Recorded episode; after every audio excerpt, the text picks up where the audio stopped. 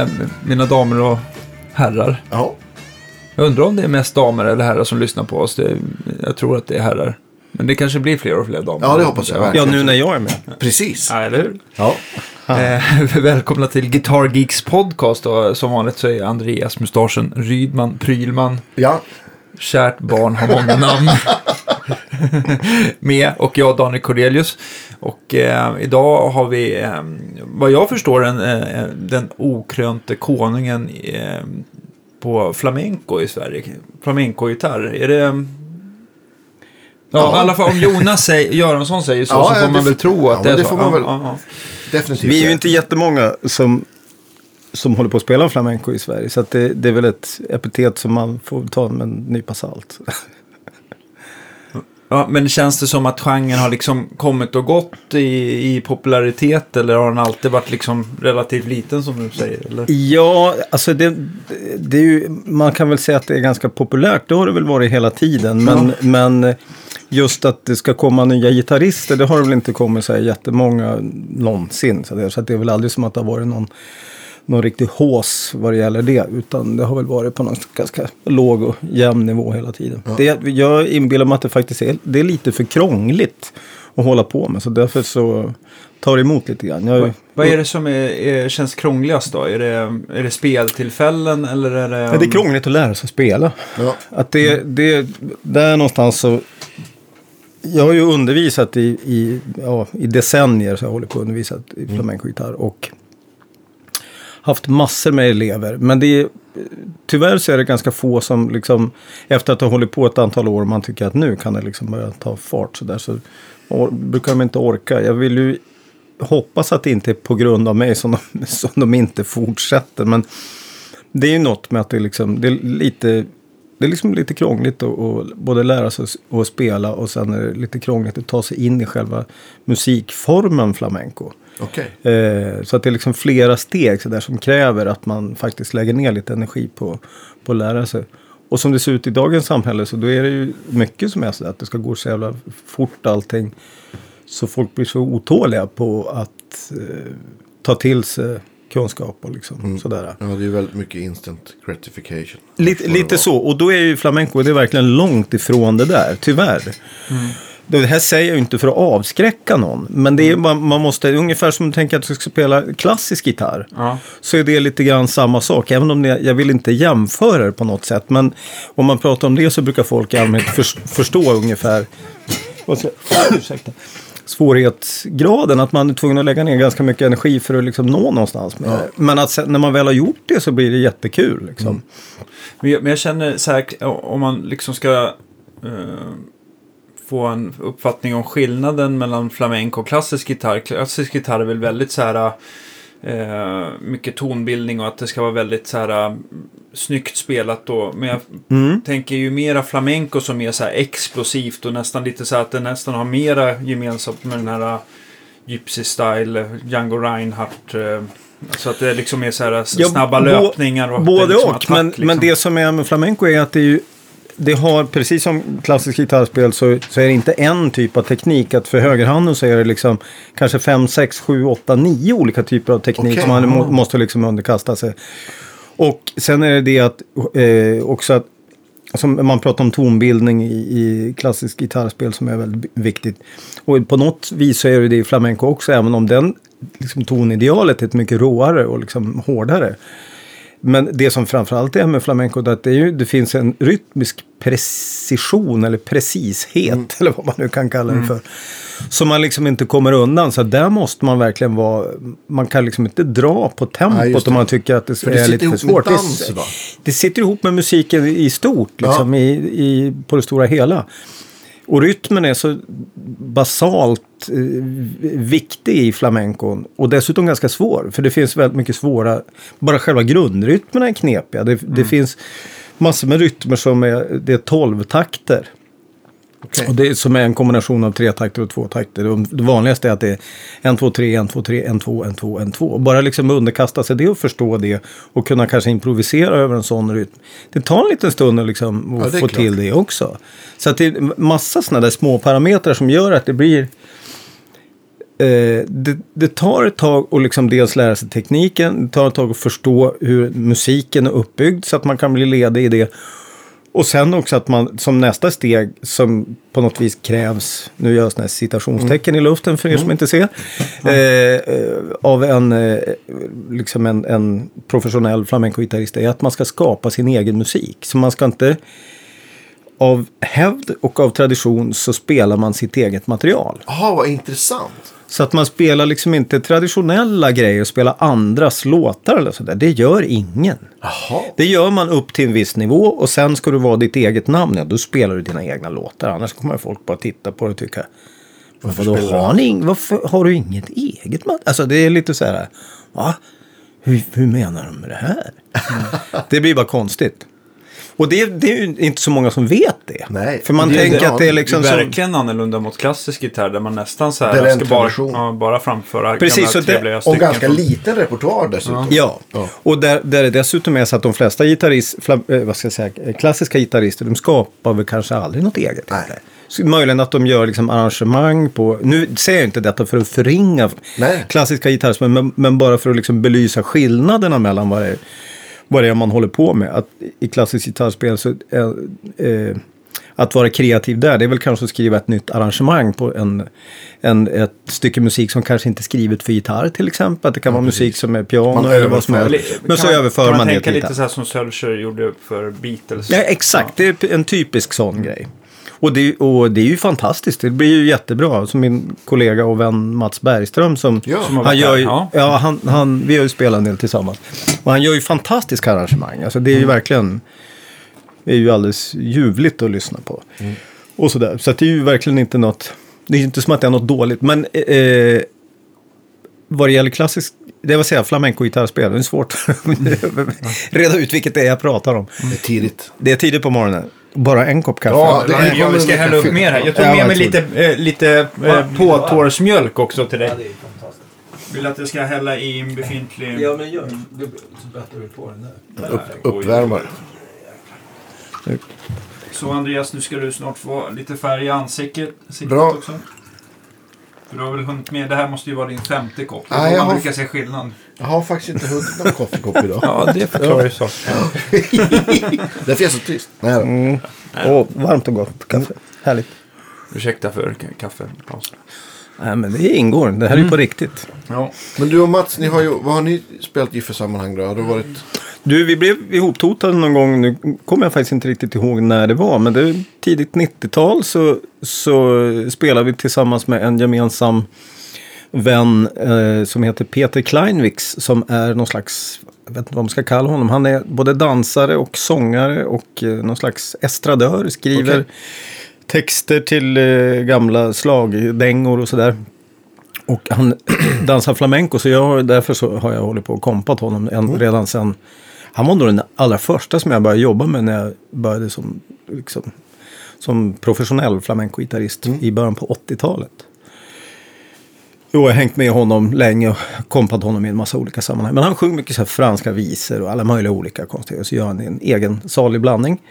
Och då eh, satte han upp eh, krogshower på en liten, liten krog i Vasastan varje år, varje vår. Och där brukar han anlita mig, han brukar anlita lite andra typer, så någon spela dragspel och lite allt möjligt. Men något år så tyckte han att vi skulle vara, jag och Mats skulle vara med där. Och vi kände inte varandra innan, utan det var den här killen då som bara bjöd in honom hem till sig och så sa ni två, ni spelar något sådär, ni kommer säkert att ha kul ihop. Så här. vi bara, jaha, okej. Ja.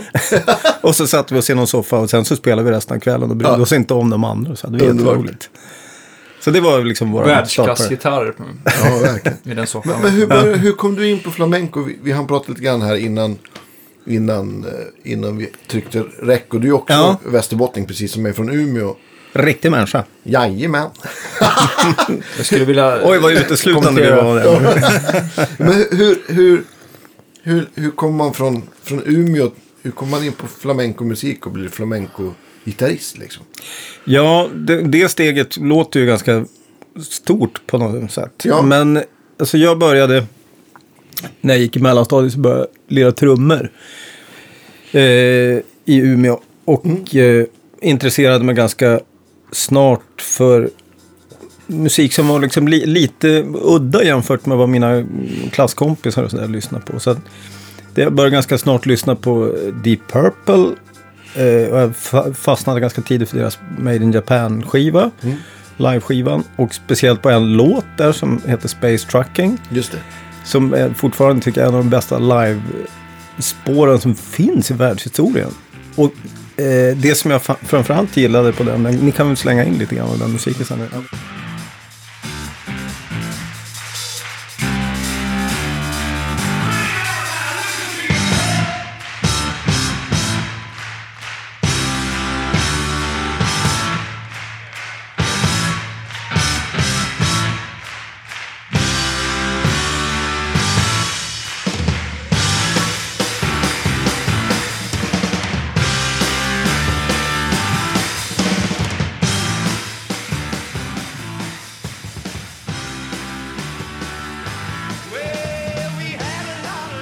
Eh, hur nu är så är det ett långt sjok med improvisationer. där. Den låten är ju typ 18 minuter lång eller något sånt där. Och när låten den pågår kanske 3-4 minuter. Och så sen är det ju bara free basing liksom.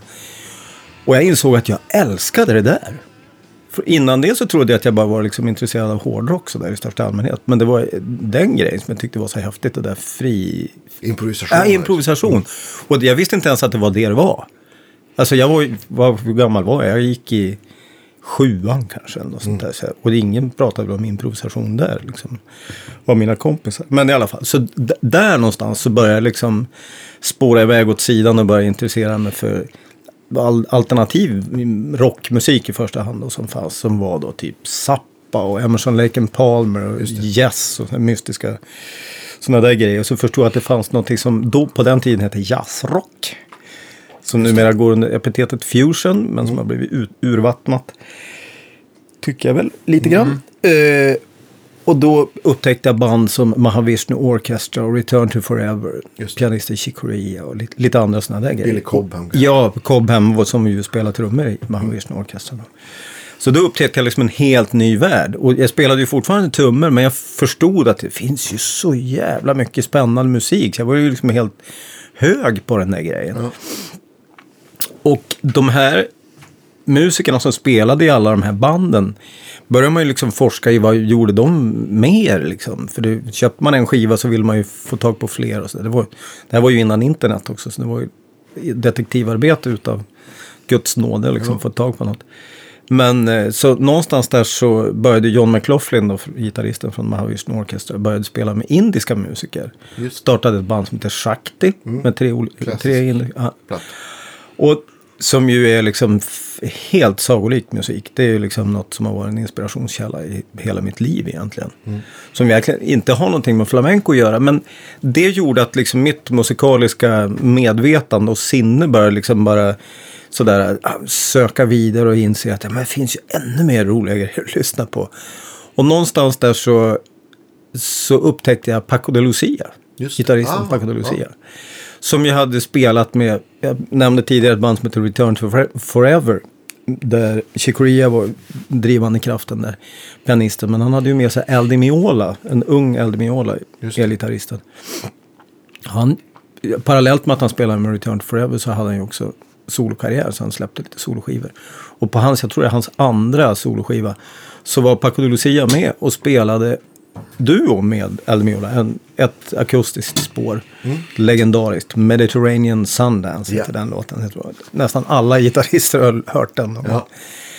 Och det var ju knock att höra det där. Jag tyckte Aldi Miola var skithäftig. Han var ju en av de där första som spelade så här rasande fort. Det tyckte jag var jätteroligt. Eh, men den där snubben som spelade med Aldi Miola. Men vad gör, vad, hur fan gör han allt det där? liksom, gick ju inte att förstå någonting av det där. Liksom, hur man gör det. Bara En människa på en gitarr. Det låter som att det är flera gitarrister som spelar samtidigt på den där gitarristen. Och långsamt så förstod jag att det, det är flamenco-gitarr. Det är liksom han spelar flamenco. Och då var det som att, det- okej, aha. Och i samma veva så gick det en eh, lite obskyr svartvit dokumentärfilm på SVT. Det här är då slutet av 70-talet någon gång. Om en, den dokumentären handlade om en flamencosångare. Programmet heter Flamencosångaren i byn. Och det handlar om någon gammal ja, någon pensionsmässig flamenco-farbror som satt och sjöng. Och bakom sig så satt det någon, någon skinntorr gammal gubbe i kostym och kompade honom på gitarr. Och jag minns att jag, då var jag också så här så jag bara tänkte, men hur fan kan den där gubben som ser ut som att han är någon bokhållare av något slag, fast lite lagom maläten. Mm. Också spela så att det låter som en helt, ett helt band liksom. Det är ju helt makalöst. Så att jag satt, och liksom bara var helt eh, uppslukad av det där tv-programmet. Och no några dagar senare så gick det i repris. Och då plockade jag fram en gamla rullbandspelare med tillhörande mikrofon. Och spelade in ljudet till ja. tv-programmet. Så att jag kunde liksom lyssna på det där igen. Riktigt old school. Eh, och då liksom insåg jag att alltså flamenco det är ju något för mig. Jag, det här gillar ju jag jättemycket. Det måste jag ju liksom ägna mig lite mer åt. Men eh, alltså jag var ju fortfarande trummis då. Så att jag, mitt, min grej var ju att lira trummor. Så det här var ju bara något att jag tyckte att det var så underbart fascinerande i största allmänhet. Det känns som att eh, många gitarrister som har haft, som har kommit från trumspelandet har verkligen haft mycket glädje av det. Mm. Helt enkelt. Jag skulle säga att om det fanns någon ty typ av obligatorisk eh, utbildning för gitarrister så skulle det innebära att man skulle ha någon typ av slagverks eller trumstudier. Mm, för time-biten? Ja, ja. och för att liksom bara för att förstå musik, musikalisk uppbyggnad och så. Mm. Men å andra sidan så tror jag att det är ganska många gitarrister som faktiskt har spelat trummor också. Att det faktiskt är så att det finns. Ja, ganska kanske väljer som biinstrument på ja. gymnasiet. Ja. Eller något. Det är roligt i alla fall att sätta sig bakom trummorna. Det är väldigt kul. Eller hur? Ja. Det kan vi ju vara rörande överens om. Ja. Det är ju så det är. Tyvärr är det ett lite opraktiskt instrument. Så det är... Ja, det är bättre med gitarr. Det är lite lättare med ja. gitarr. Det insåg jag när jag började vara ute och gigga. Liksom, att man inte var helt, helt beroende av taxi eller folk som skjutsar en och sådär. När, när man skulle åka runt och gigga med trummorna. Det var ju hopplöst. Och så sen när det då var dags att börja ha lite gig med gitarr. Så bara, jag hade en liten kostym i en påse i ja. vänster hand och gitarren i höger hand. Så var det klart. Ja. men, men, men hade du spelat någon gitarr parallellt med trummorna och sådär också? Så att... Alltså det var så här klassiskt fuska, liksom sitta på musikaffärer och ja.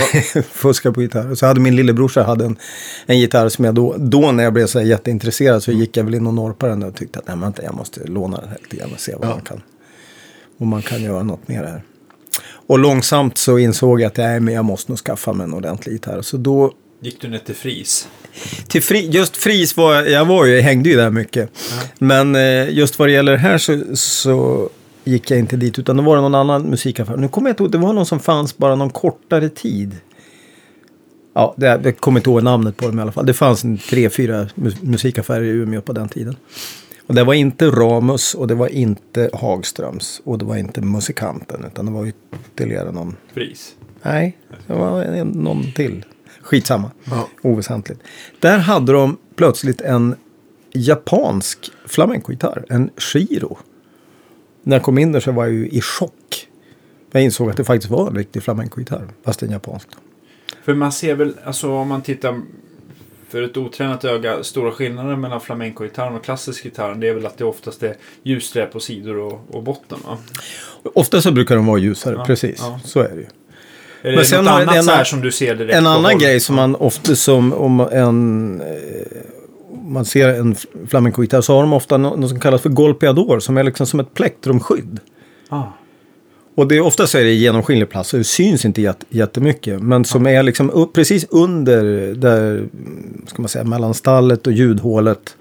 Och en bit ner nedanför strängarna och en bit upp och ovanför strängarna. Ja, just det. Som ett skydd. Ja. ja. Och det är lite så här som bokinslagningsplast typ?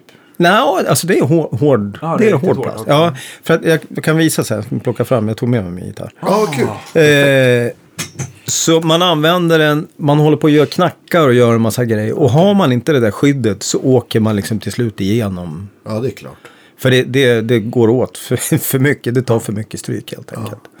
Och en del brukar ha såna, som ett vitt sånt där eh, plastskydd, det ser inte klokt ut. Men, eh, det är röda så, kortet direkt. Ja, för mig så tycker jag att det är liksom lite så här, ja, vänta nu.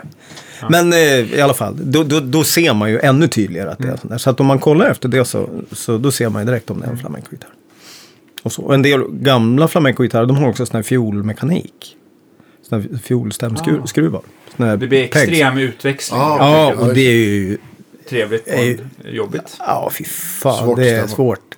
Så det där måste man ju verkligen hålla på och Det är pilla den här med. Pilla med. malbitna gubben där som du såg på Just svartvita precis. filmen. Och- och Han, nu går det fort och enkelt. Men det, det som är med de där, det är ju att man... Ofta så när man spelar flamenco så har man ju eh, capo. Därför att man spelar liksom utifrån öppna strängar hela tiden. Ja, Så spelar man en, en flamenco-stil eh, som heter Soleá till exempel. Då är det som att man spelar i E-frygisk. Så det blir liksom E-lägsta ackordet. Och Mm. om sångaren och sångerskan man kompar vill köra en sån Soleá-stil. Så men den personen vill sjunga i G istället. mo- Motsvarande. Mm. Då är det inte som att man liksom bara flyttar och liksom transponerar om med fingrarna så att säga. Vilket ju är fullt möjligt. Bluespentan i G istället. Ja, lite så. Nej, men då, då flyttar man kapot upp, upp till tredje bandet Ja, istället. Så att man får exakt samma, just det här när man har öppna strängar, alltså med lösa strängar. För att det är det som ger själva klangen i eh, ackorden. För att man kan ju liksom transponera om det och då blir det rätt toner. Men det, det låter ändå helt, helt annorlunda. För all, alla de här flamenco-stilarna, de är knutna till, nu kommer vi in på det musikaliska, Ja. men jag tar det som en parentes Ja, nu i alla fall. De är ofta knutna till att det finns ett namn på, på själva flamenco-stilen som, som eh, eh, talar om vad det är för taktart och också vad det är för tonart. Och vi, tonarten är också definierad i form av liksom vilka Ett grepp. mode, Ja, vilka grepp man tar. Jaha, okej. Ja. Så det, för det blir ju det liksom. Ja. Om det är liksom som är sådär. Och, men jag, jag vill... Sångaren vill att det ska vara liksom i C. Fast den vill ändå ha samma. Ja, det finns, då är, ibland så är man ju tvungen att ha då kapot på där C är på E-strängen. Det vill säga uppe på liksom, Sjunde. ja, sjunde bandet. Åttonde. Liksom. Ja, åttonde till och med är det väl va? Ja. Och då ska jag säga att det är fan inte lätt att spela där Nej, uppe. För det är så jävla trångt liksom. Men då får man ändå samma, liksom, samma klang och den som sjunger känner igen sig i liksom, hur tonerna hamnar och sådär. Men, men eh, är, man stämmer alltid en... eh, inte, man håller inte på med alternativa stämningar Jo, det finns, och, det finns några. Inte jättemånga, men, men, och det kommer fler, mer och mer sådana där också. Ja. Så man, det finns no, några liksom, traditionella som man använder sig av ganska mycket. En, det finns en stil som heter rondenia. Där man stämmer ner E-strängen till D och stämmer man ner G-strängen till Fis. Och så kör man i som cis-frygisk. Det, är jätte, det låter skitkrångligt. Jag Vad kan- ser du hur Alltså, men funderar D- här? Okej, här, du, nästan öppet D. Det blir som ett D69 då. Ja, något ja. Fast det, är inte, fast det är liksom näst sista ackordet innan man precis landar. Okej, Så att det blir som ett D och så landar man på ett cis, en halv ton jag ner. Liksom. Ja. Men då får man, då, när man ska ta bas på E-strängen, då, då får man ta tersen i basen hela tiden. ja just det. Det, ja, Ja, jag coolt. kan visa det också. sen. Ja, gärna. Men det är jävligt mörk och st- stor och mystisk öppen klang. Ja. Sen finns det lite andra också, men det där är den vanligaste. Liksom. Om man tänker så här eh, som flamenco. eh, För jag som är helt okunnig om det. Är det liksom. Jag antar att det har fötts ur Spanien för Ja. länge sedan. Ja. Och eh, är det liksom det. Är det någon huvudstad ungefär som Austin är för Texas bluesen? Mm. Eller hur? Ja, det, alltså det kommer ju från Sveriges motsvarighet till Skåne. Andalusien säger vi på svenska. Andalusia heter det på spanska. Eh, Och det är ju liksom ett ganska stort landskap. I, i I södern? sö allra södraste Spanien. Så Malaga, Granada, Cordoba, Sevilla. Eh, vad har vi mer? Ja, Cádiz och Jerez de la Frontera. Det är liksom mina, mina favorithängstäder. Det är liksom, det är där flamen, flamencon på något vis har frodats på alla de där ställena. På, I olika omfattning. Och olika stilar, jag pratade om stilar tidigare, det med Solea och Rondelli och vad de kan heta för någonting. Eh, de har liksom utvecklats liksom, kanske mer på andra ställen och mindre på andra ställen. Och andra, andra stilar har varit mer liksom framträdande på någon plats. Men sammantaget så har liksom flamencon frodats i hela Andalusien. Har de, jag tänker de här olika stilarna då. Har de vuxit fram utifrån musiker som har varit liksom stora i dem, kanske i någon region och som har satt en stor prägel på Ja, hur det ska det tror jag i allra högsta låta, grad. liksom, ja, så precis. Så har det verkligen varit. Och, eh, och det där har ju skett. Alltså, man tror ju att eller man vet väl att fla- flamenco startade mer eller mindre som någon slags, eh, framförallt är det ju sång som har styrt hela grejen. Det är liksom flamenco-sången som har varit the shit. Liksom. Och det startade redan i slutet av 1400-talet så det har liksom Oj, utvecklats Ja, det är en gammal tradition. otroligt länge. Det blir ju liksom nästan larvigt när man jämför med liksom det som vi tänker på gammal Som traditionell musik. Eller Ja, liksom sådär. Eller ja, precis.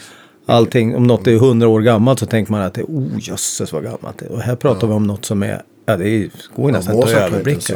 Nej, jag menar det. Men, det var, men flamenco som var då, det är ju inte så som, som, det vi hör nu. Så det får man ju också ha i åtanke. Men att det är då det liksom startade. Det var ju i samband med inkvisitionen och hela den där skiten. Ja. I Spanien så var det liksom folk som började sjunga klagosånger och, och sådär. Och som på något vis sen utformades till att bli mer specifika stilar. Och så har det liksom blivit mer och mer tradition av det. Och så, ja, så har det liksom tagit sig vidare. Känns det som att, flamencon har spritt sig alltså utanför Spanien någonting? Eller är det väldigt så här konstigt? Jag förstår att det finns duktiga gitarrister lite varstans i världen. Men liksom är det populärt någon annanstans i större mängd? Det är ju populärt över hela världen. Flamenco är ju, det är ju jättestort över hela jordklotet. Det är väl liksom en av de bästa exportvarorna de har i Spanien Alltså, du överhuvudtaget. ser. Aha, noll koll va? Får jag sitta här med dumstrut igen. Nej, nej, men det är väl inte så lätt att, att veta, veta det. Men eh, som eh, en rolig grej är till exempel att det finns mer flamenco-hak i Japan än vad det finns i Spanien. Fascinerande. Ja, det är fascinerande. Och det finns hur mycket japanska flamenco-artister som helst. Både, både gitarrister, sångare och dansare. Sjunger de på Ja. japanska då? Nej, de sjunger på spanska. Sjunger de på spanska? Okej. Låter Ja, det de är ju för fantastiskt? roliga. Alltså. Alltså, när jag hörde det första gången så tänkte jag att det här är ju bara helt obegripligt. Jag förstod ingenting. Jag kände mig som ett, helt, som ett frågetecken. Men det här var ju, måste ha varit slutet av 80-talet som jag såg en japansk sångare sjunga flamenco första gången. Så jag var liksom inte ens, jag visste inte riktigt vad jag tyckte eller någonting. Men sen efter det så har jag ju liksom sett massor med, med artister utanför Spanien som sjunger flamenco. Som kommer från andra håll på jordklotet.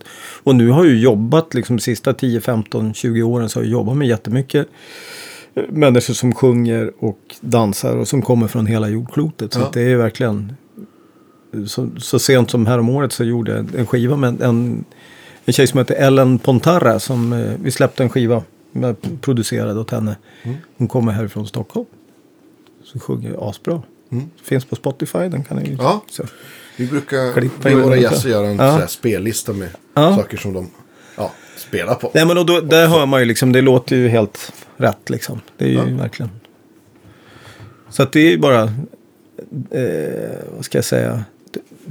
Hade det varit på 70-talet så då hade det nog inte riktigt gått. För då tror jag inte riktigt att det, tiden var mogen för det på något vis. Men, men sen har det liksom långsamt blivit att det, ja, det finns icke-spanjorer eller vad man, ska, ka- vad man ska kalla oss för. för någonting, Som har liksom lärt sig spela gitarr hyfsat under ganska lång tid. Och nu börjar det bli så pass vanligt så nu är det inte så många som liksom lyfter på ögonbrynen för det längre. ni- ni- Och likadant vad det gäller dansare, att det är långsamt så har det också blivit helt accepterat att det finns eh, folk som gör det och som kan bli framgångsrika. Och det är tycker folk inte ens i Spanien heller att det är så speciellt konstigt. Och nu börjar det komma det där med, med sångare också, att det blir mer och mer vanligt. Det är ju naturligtvis ett lite längre steg, därför att ska du sjunga flamenco så krävs det ju att du liksom är bra på språket också, Ja, att, så att man får till det. Så att det är ju ytterligare en liten parameter. Liksom, att man, Men, men hur är det om man är som flamencosångare? Är det precis som att vara gitarrist? Ska man, ska man då skriva eget material? Hör det till? Eller finns det mer en klassisk repertoar där? Eller? Där är det lite mer att du måste liksom hålla det till någon slags tradition. Okej. För att liksom på något vis kunna definiera att man faktiskt håller på med flamenco. Så att man har lite större frihet när man är gitarrist att, att skapa, skapa sitt eget. Just det. Men det är, det är inte som att det är något måste. Men man måste, man måste ändå kunna liksom visa att man kan ganska mycket av de här traditionella Okej. grejerna. Ibland så tänker jag på, på flamenco som, som, som jazz. Att man för att kunna göra liksom bra, spännande, experimentell jazz så kan det ju vara bra att kunna lite, eller lite, men kunna ganska mycket om hur liksom vanlig jazz, eller vad man ska kalla det för. Ja, hur det är uppbyggt, därför att det är liksom lättare att ha... man springer principen. Ja, lite så. Att man har något att utgå ifrån innan man ska bry, bryta mot något. För är det så att man börjar vara experimentell innan man liksom kan det som man är experimentell ifrån. Så kan det kännas som att då finns det någon slags glapp i det man håller på med. Eh, det, nu, jag ska väl inte generalisera, det finns ju säkert jättebra exempel på folk som klarar det alldeles galant. Men jag, jag tror ändå att det är liksom en, en Ja, bra det tror grej. jag också, att, man, att är, man är mer grod, grundad och jordad. Ja, så är det liksom lite lättare att, att göra sin egen grej i det. Mm. Men ser till mig själv så höll jag ju på och gjorde liksom traditionella flamenco-grejer under, ja vad kan det ha varit? Jag, jag började liksom att jobba med flamenco 80, 82 tror jag det var. Mm. Då började jag få mina första jobb. Då hade jag spelat gitarr i säkert två år. Så det var ju, var det ju dags. Ja. Nej, men och sen tog det väl fram till 86, 87 så där innan jag började liksom ha så pass mycket material. Så jag kände att ja, men nu börjar jag ha liksom mina egna grejer. Ja. Och då hade jag liksom lärt mig under gång så där hur, hur allting funkar. Och jag hade plankat en massa musik, så jag hade lärt mig struktur för hur man bygger melodier och liksom hur man får ihop låtar. Och så. Jag kunde kompa både dans och sång och sådär. Så då hade jag liksom någonting som jag kände själv att ja, men nu kan jag Fanns det etablerade äh, flamenco-gitarrister i Sverige redan då? Som Ja, det fanns några titta? stycken, liksom, men, men det har aldrig funnits speciellt många. Nej. Och det har inte varit som att man har liksom kunnat försörja sig uteslutande som flamenco-gitarrist. Det är ju jättesvårt och det är ju fortfarande så. Ja.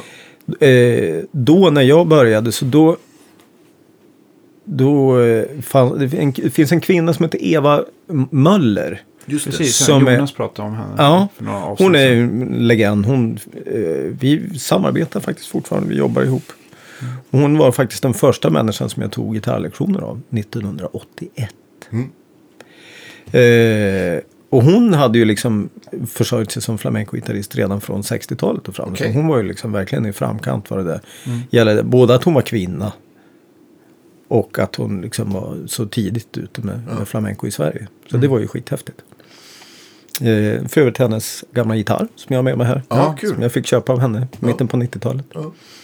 Men om vi, om vi backar lite, jag är så Ja. nyfiken. Du, du såg den här gitarren på musikaffären. Köpte du den direkt Mm. då eller?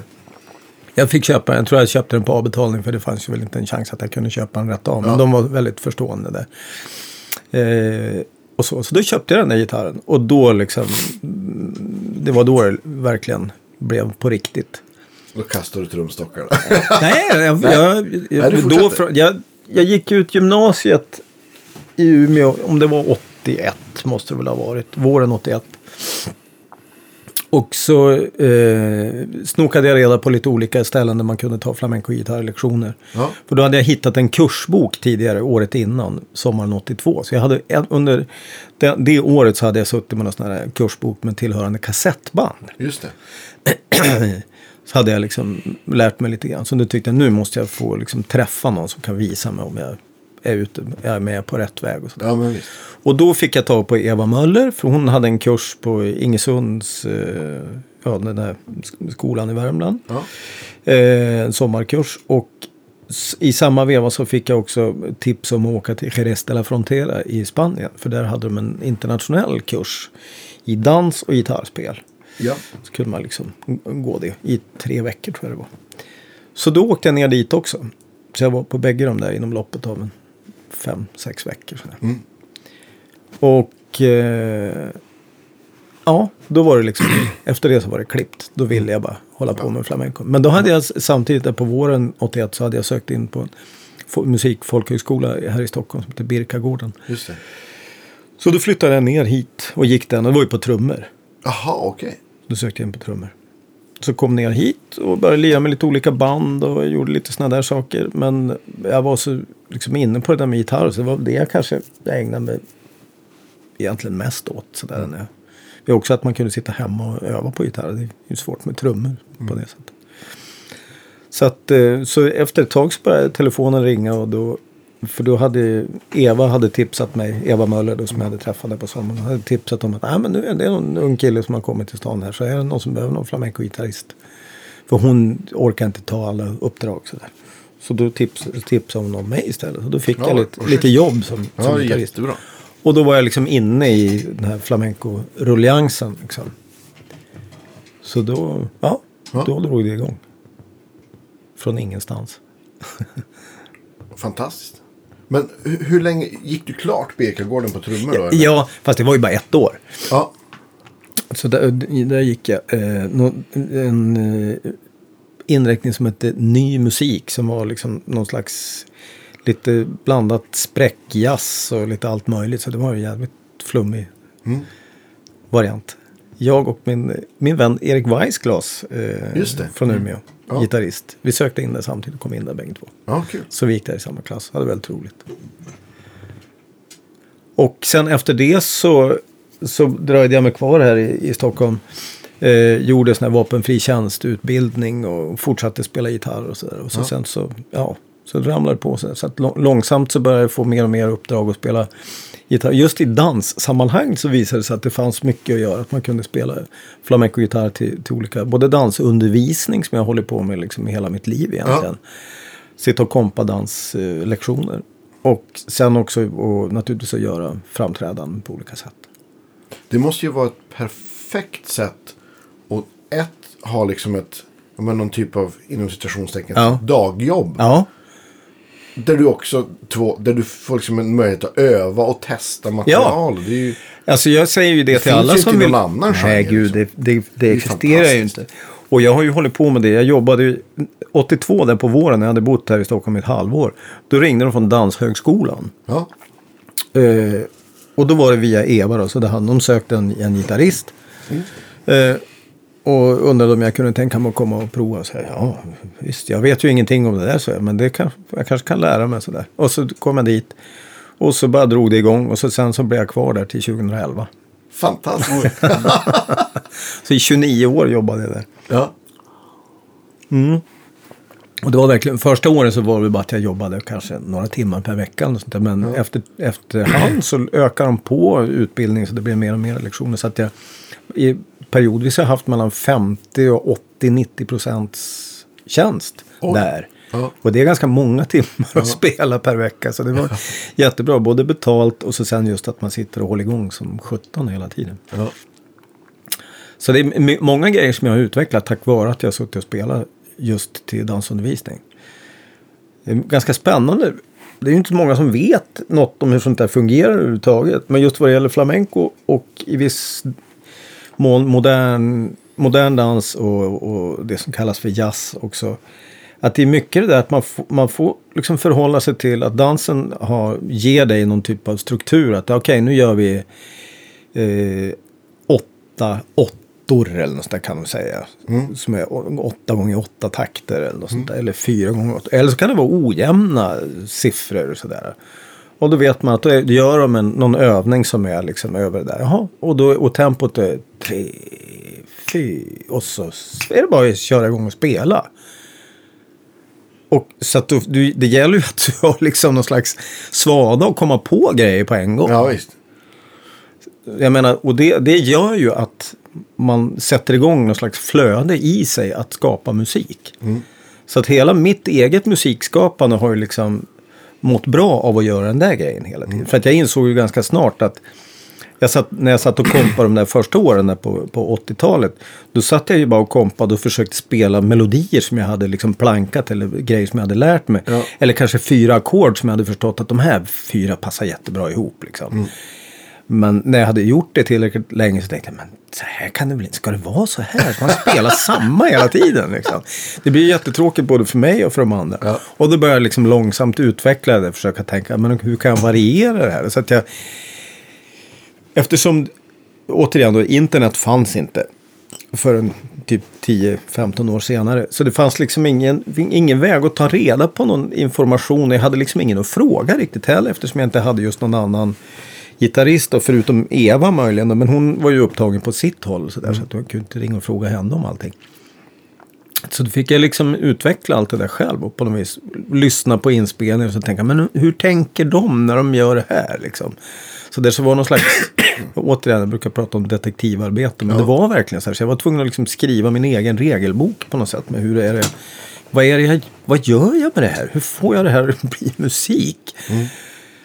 Och så långsamt så då liksom skapa något ur det där. Och det där tog ju kanske längre tid än vad det skulle vara nödvändigt om jag hade haft lärare och liksom kanske några fina böcker i ämnet, vilket ju fortfarande inte finns egentligen.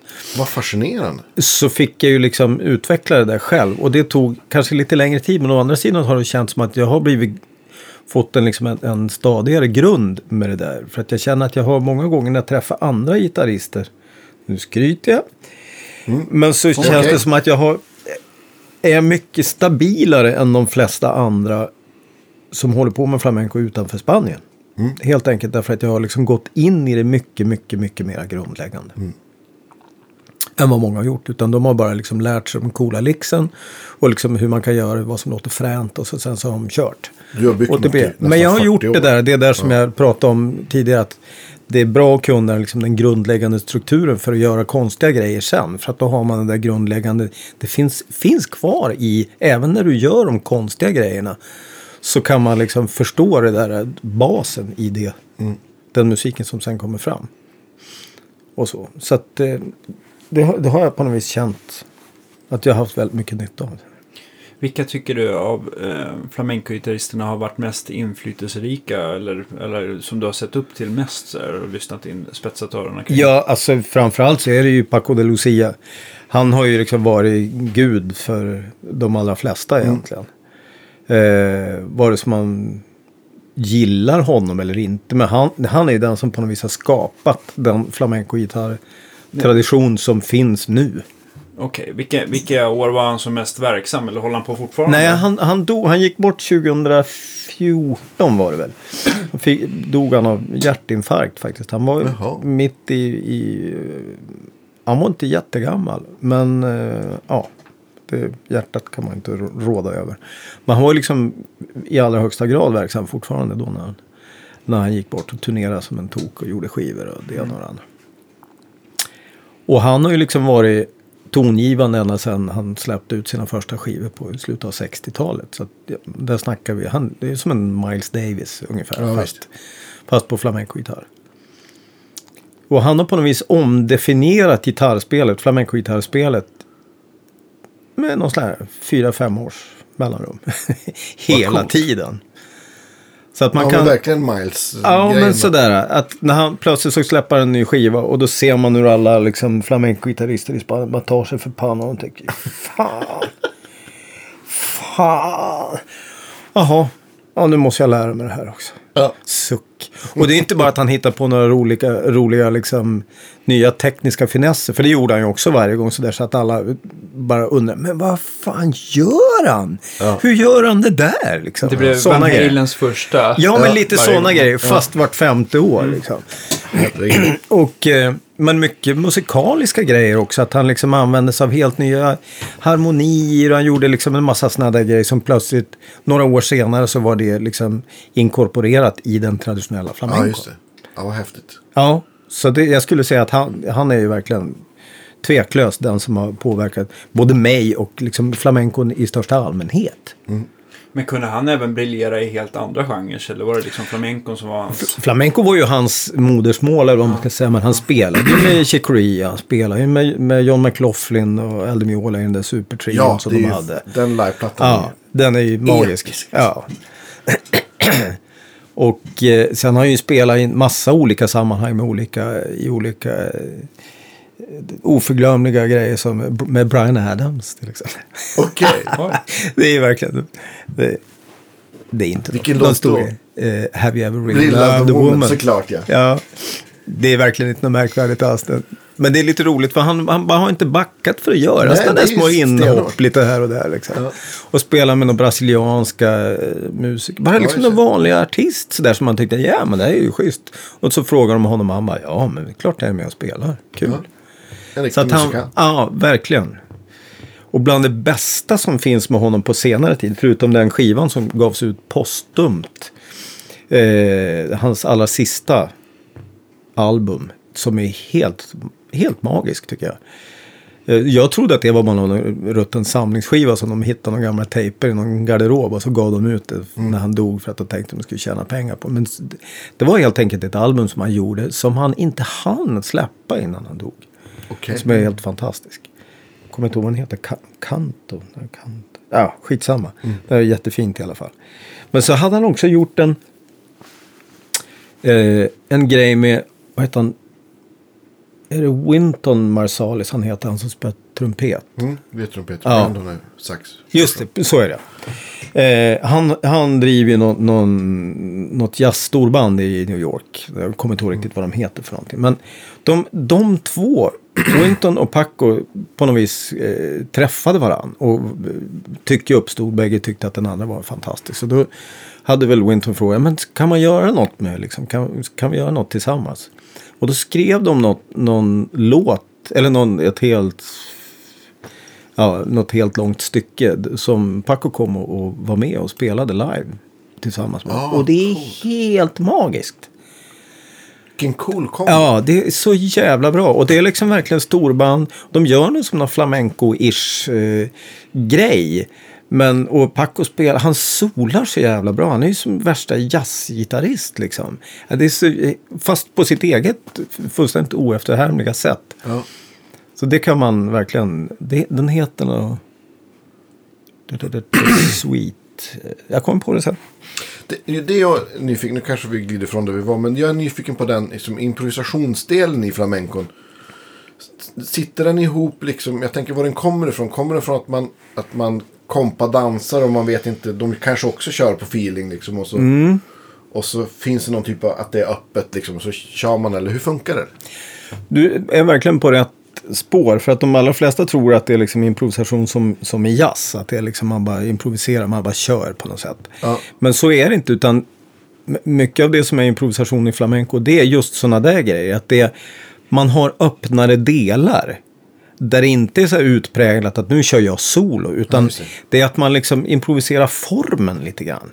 Okej. Eh, att jag kanske inte vet när sångaren kommer in och sjunger sin grej. Och sångaren vet inte när jag ska spela min lilla sköna melodi som jag, som jag redan har repat in, som jag redan kan. Och så kan man liksom i stunden kan man kasta om alla de där grejerna. Och då anpassar sig hela organismen, alltså hela gruppen, efter det som sker i stunden. Aha, okej. Så alla anpassar sig lite grann efter varandra. Och då finns det liksom utrymme när jag börjar lira en melodi så då vet alla, okej nu är det gitarrdags. Ja. Och då är, liksom, är det fokus på gitarren. Och då kan jag göra vad jag vill tills jag drämmer av en, liksom en tydlig avslutning. Och då finns det speciellt som ett signalsystem, citationstecken. Eh, att jag gör en speciell grej och då vet alla att där är gitarriffet slut. Och då tar sången vid, eller dansen eller vad det nu är för någonting. Om man nu är sång, gitarr och dans till exempel. Men, bruk, men är det vanligast att det är så att du är ensam på gitarr och eh, ensam sångare och sen så eh, flera dansare? Det, det kan se ut på alla möjliga olika sätt. Men det, det är ju ett väldigt traditionellt Ja, eh, liksom, upplägg med, med tre på det sättet. Eh, och också det som, om man ska vara sådär lite lös i fogarna eller vad man ska säga. Så är ju det det enklaste. För att så fort man är två gitarrer, så då måste man ju börja anpassa sig efter varandra. Och så se att man spelar ungefär samma ackord och att man liksom gör alla sådana där grejer. Så att börjar man flyga iväg för mycket, om jag börjar bli några sologrejer. Så måste ju den andra gitarristen veta ungefär vad det är jag gör. Eller möjligen se och höra så att den snabbt kan följa bara på örat ungefär vart jag är på väg någonstans. Och ju krångligare grejer jag gör då, desto svårare blir ju det liksom att försöka förstå. Det är ju inte som att man följer en blues 12 om man vet att det är precis ru- runt det. För så är det inte i flamenco, utan det kan ta vilka vägar som helst. Men fast i, i, under givna, i givna harmoniska områden. om Man, ska säga. man spelar ju oftast i en... då. Ja, precis. Och då spelar man i den, inom den tonarten. Men man är ju jävligt fri i det. Så det är ju inte som i kanske svensk folkmusik när det ofta kan vara liksom som en, som en, som en drone. Att man har nästan som att det är en grundton som går igenom hela. Så är det inte i flamenco. Det kan liksom sticka iväg och så är man i någon parallell tonart en bra stund. Och så håller det på sådär. Och liksom, Man kan dribbla sig runt och byta tonart helt och hållet ett tag och liksom komma tillbaka sen efter ett tag. Så det, där kan det liksom vara harmoniskt ganska Visserligen ganska enkelt men, men det kan även vara så att man kan krångla till det ganska ordentligt. Så att det, mycket sådär. Jo, men om det är en, en enkel och mer öppen harmonik så inbjuder ju det till större friheter Ja. på ett sätt också.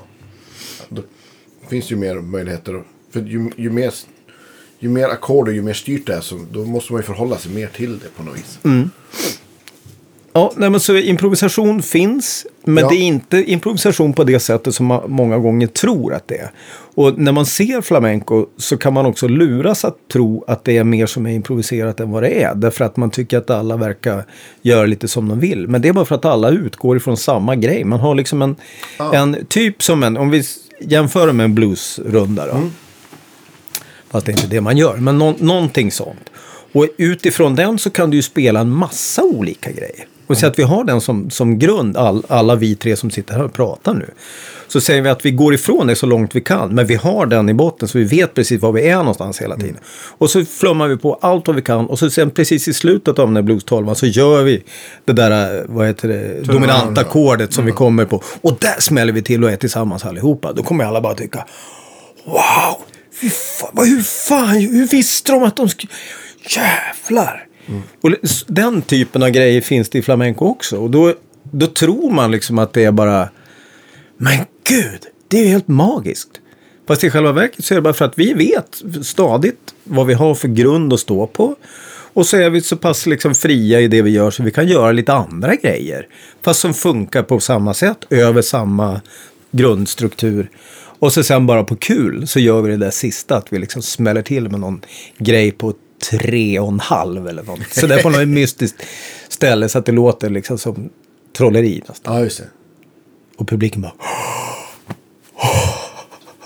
Men jag tänker, då måste ju liksom, om man, om man spelar då med, men med sig, med sig men en dansare och en sångare också, så måste Ja. ju liksom, dansen måste ju vara lika stor del av, av bandet. Så att Ja, säga, visst. också Då, eller hur? Att det Så blir- är det ju. Och eftersom dansen är ju så, den är ju så perkussiv. Det är så mycket med stampar och sådana där grejer. Och det, det, är ju, det är ju inte bara liksom för att det låter lite snyggt. Utan det är ju liksom en bärande grej i, i alltihop. Så det, kan ju, det är ju verkligen som ett slagverksinstrument. Det ju, och det är ju inte ovanpå det andra. Utan det är ju inne i musiken. Liksom. Man tänker sig som, som stepp eller sådär. Som ju ofta kan vara som man traditionellt ser steppdans. Så är, finns det ju någon slags musik i botten och så är stepp, steppdansandet ovanpå det. Just det. Nu är modern stepp är ju inte riktigt sådär i alla fall. Men, men om man tänker sig hur man ser det. Så det är ju, då sitter ju inte det ihop med själva, det är inte en Nej. del av musiken på Nej, det precis. sättet. Det är något man gör på musik. Ja, exakt. Men så är det ju inte med, med flamencodans utan det är ju i allra högsta grad inne i musiken. Liksom en, en viktig del av det. Och det påverkar också hur, hur jag sp- spelar och liksom dansarna gör något speciellt så då följer jag med det. Så hela det där med att man spelar eh, allt det här rytmiska som man gör när man kompar olika ackord på gitarr. Som ju många gånger folk kanske liksom förknippar mest med flamenco-gitarrspel. Att det liksom är att det låter sen fort och mycket och hårt liksom. På ackord. Det hänger ihop med att man har spelat i dans. Och dansen låter liksom... Den typen av liksom snabba, hårda rytmer. Ja, fan, jag måste ju matcha det. Jag kan ju inte spela ring, ring, ring, ring till det. Det blir ju bara...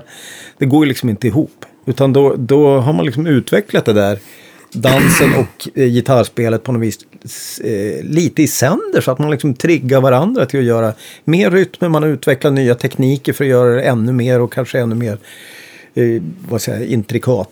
Och så, ja, så då har man liksom drivit det till, till eh, väldigt spännande former eller man ska säga. Men är det likadant för, då måste ju ha, den som dansar samma frihet och gör dansaren också då en turnaround så att du ska veta att ja, men Ja, nu ska vi tillbaks ja, till versen eller Ja, nu är precis. det min tur. eller- Exakt, Det- exakt.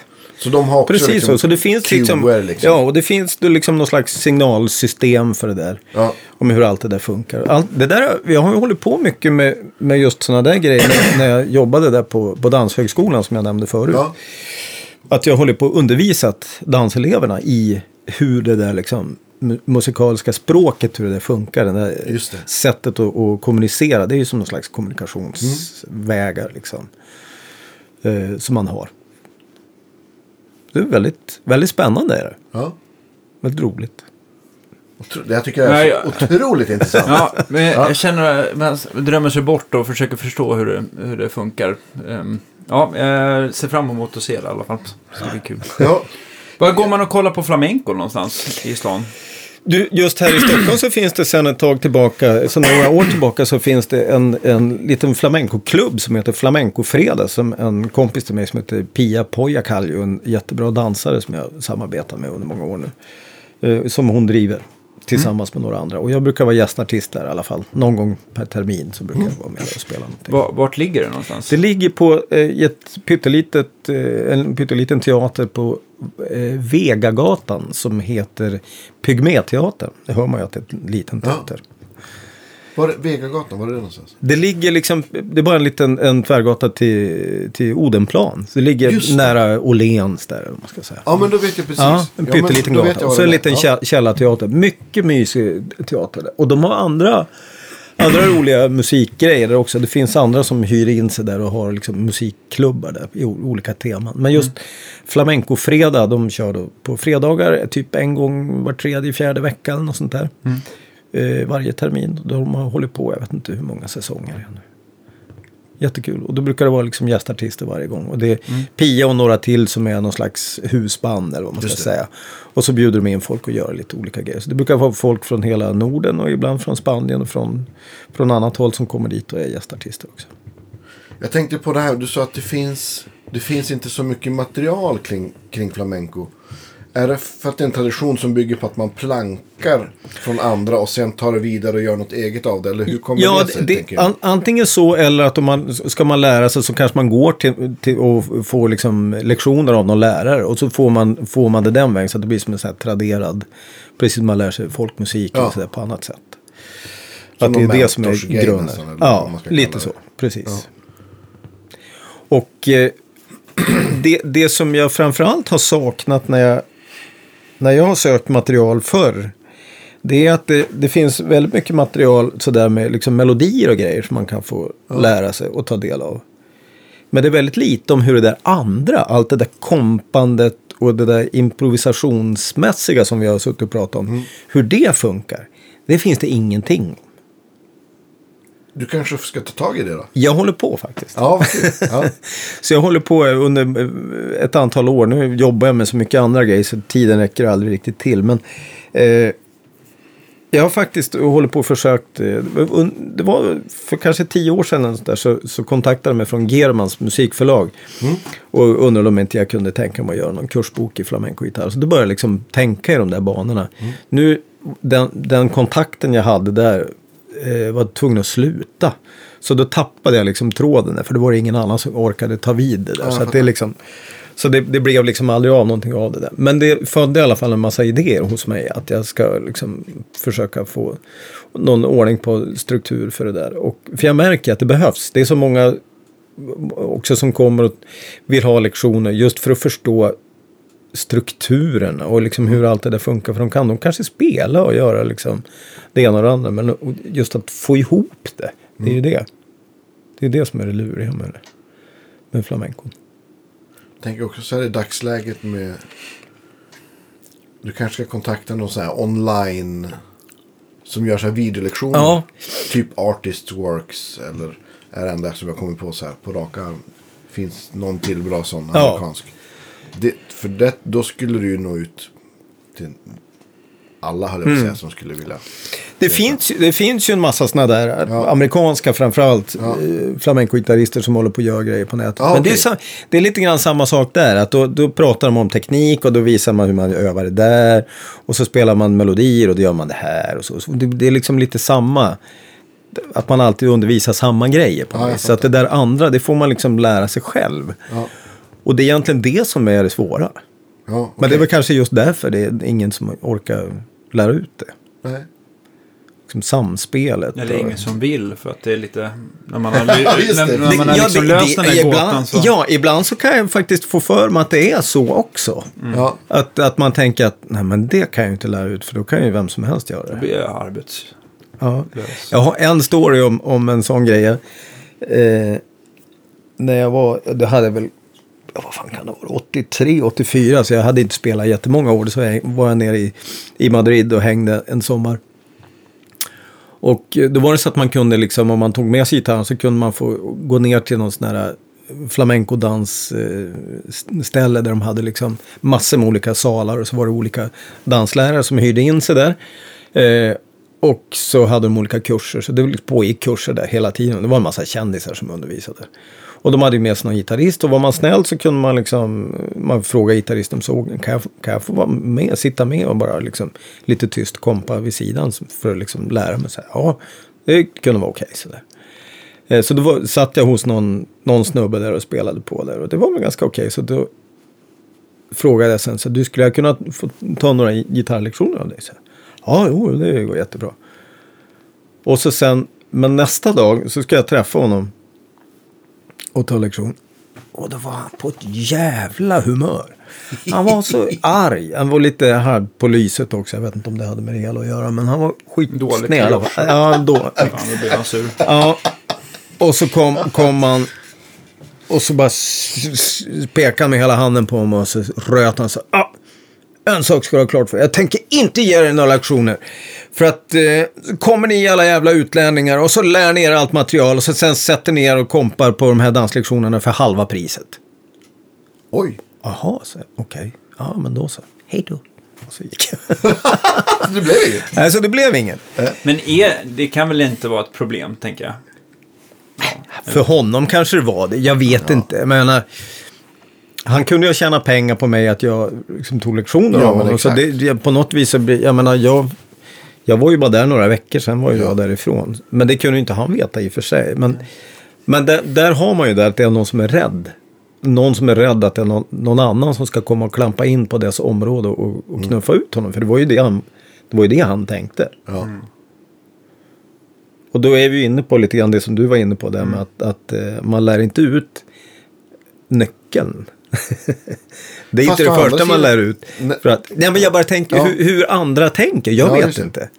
Jag tycker det är roligare att när man lär ut något att folk fattar något av det och får en aha-upplevelse och, och blir glad och tackar Ja, mig. Då blir, jag, då blir jag på bra humör. Och jag, men jag tänker också som du berättat, liksom, jag menar att det är en, jag menar att det, det är en sån, det, det krävs så mycket jobb och det är så pass svårt. Mm. Så jag tänker också att om, man då, om du lär någon då, så att säga, nyckeln. Mm. Så de som då verkligen vill ta det vidare kommer ju förmodligen ändå göra någonting eget av det ändå. Ja, men Så precis. då, då gör ju ändå ni inte samma sak ändå. Så Nej, så är det ju. Och det är ju det som är inbyggt i det hela. Så fort du gör något likadant som någon annan så då kommer ju det i alla fall vara så att jaha, ja, nej, men han är ju bra men det låter ju precis som Ja. den och den.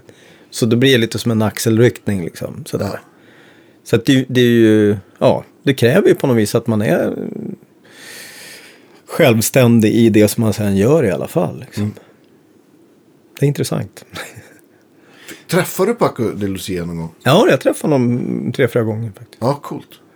En trevlig prick. Han var jättetrevlig, otroligt ödmjuk och så här. Kanske de liksom...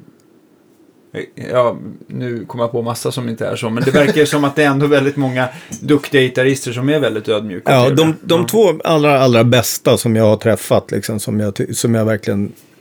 Det är han och så en annan gitarrist som heter Gerardo Núñez. Som är ja, bara magiker på gitarr. Är ju så ödmjuka så att det är nästan larvigt. Eh, och Paco han ville inte prata om sig själv överhuvudtaget. Han ville bara prata om Chick Corea och allt som han avgudade. liksom det Ja, var, sådär, när man satt och sa oh, vad du är bra. Eller jag sa väl inte, jag var mest stum och satt och tittade och bara glodde med stora ögon Ja. honom. Eh, men någon annan sa att åh, vad ty, ty, tycker jag tycker du är så bra du gör så bra. Och så sa jag, "Ja, nej. Nej, lyssna och så bara hitta någon LP. Vi var ju hemma hos några kompisar. Ja. En LP med Chick Corea. Här, det här. Det, this is the shit. ja, just det. Så, det var hans kommentarer. Sen ville han inte prata mer om det där. Mitt först, första minne, det är ju ganska roligt. Det var faktiskt hemma hos den där mannen som jag pratade om. Som, som förde ihop mig och Mats Bergström. Heter Peter, Klein, Peter Kleinviks. Vi efter, när eh, Paco McLaughlin och Aldemiola, när de hade släppte sin andra skiva som var liksom uppföljaren till den där live-skivan. En skiva som heter Passion, Grace and Fire. Som jag tycker faktiskt rent materialmässigt så är ju den mycket, mycket bättre. Det är liksom konstnärligt så här en bättre skiva. Men det är inte riktigt lika sådär eldfängt cirkusgitarrspel som liveskivan. Så den blev lite liksom så tyst mottagen. Men jag tycker det är en briljant skiva. De, när precis hade släppt den så spelade de här i Stockholm. Jag tror att det var typ 83 eller något sånt där. Så var vi och tittade, jag och min vän Peter, vi var och kollade. Och när, när konserten var över så säger Peter att ja, nej, men nu, nu måste vi gå och tacka för konserten. Vadå tacka för konserten? Ja, men vi, vi ska gå och säga hej till Paco och, och tacka för konserten. Jag säger, nej, det är klart vi inte ska göra det. Åh. Jag tyckte det var så pinsamt. Så, han bara, nej, nej, men det är lugnt, kom, följ med mig bara. Och han snirklade sig in, jag vet inte hur han bar sig åt, men det var ju bara öppna dörrar. Så det var bara att gå liksom rätt in i logerna. Så plötsligt så var vi inne i Pacos loge. Han satt med ett glas vin där och liksom i någon, någon fåtölj och såg väldigt belåten och nöjd ut. Och vi kom in där och bockade och tackade. Och, och, så, och Peter satte igång och började dansa bolerias för honom. Flamenco-dans, bara så han ville göra det bara på kul. Så, där. så vi stod där och klappade och grejer. Och Paco satt där och klappade händer också. Ja. Gjorde, gjorde rytmer så här. Så, ja, det var några minuter. Sen så var det färdigt. Eh, och så tackade vi för oss och gick iväg. Och så sen så gick vi iväg till Café Opera och skulle ta något att dricka. Vi släntrade runt på stan och så hamnade vi där efter en halvtimme. Och, så där. och när vi hade varit där en liten stund så plötsligt så såg vi, då sitter Eldemiola och Paco vid ett bord där inne i lokalen. I, i, där på Café Opera. Ja. Så efter en stund så vågade vi väl oss bort dit och sa hej, det är vi igen. Ja, men hej, ja, men sätt er ner. Liksom. Ja. Slutade med att vi hängde med dem resten av kvällen. Ja, coolt. Och jag var tvungen att gå för jag skulle upp, upp jättetidigt nästa morgon och göra någonting. Så jag stack iväg. Men, men Peter han hängde med dem hela natten. Och de var ute på någon eftersläckning någonstans och gick och käkade hos någon krögare som han kände som kunde öppna köket med, så klockan fyra på natten. Och Lite diverse sådär. Så slutade man... Turnélivet. Ja, det slutade med att eh, ja, han, Peter ringde mig i alla fall nästa dag och sa att ah, nu får du skynda dig för vi ska äta lunch med Paco och gänget på, på, på Vickan. I, Ja, Kungsträdgården. Jaha. Så att jag hade väl varit och jobbat lite grann men så kunde jag komma dit och sen efteråt. Ja, det gick ju jättebra. Och så sen, då visade det sig att de hade ledig, de var turnélediga just den dagen. Så nästa dag skulle de till, till Finland, de skulle till Helsingfors och lira. Så de hade tråkigt och visste inte vad de skulle göra. Så, eh, så Peter han bara så ja men eh, ni kan komma hem till mig. Jag fixar lite som glada kompisar och lite damer och lite trevligt och lite så här. Ja, okej. Jättebra. Så då lovar de att komma.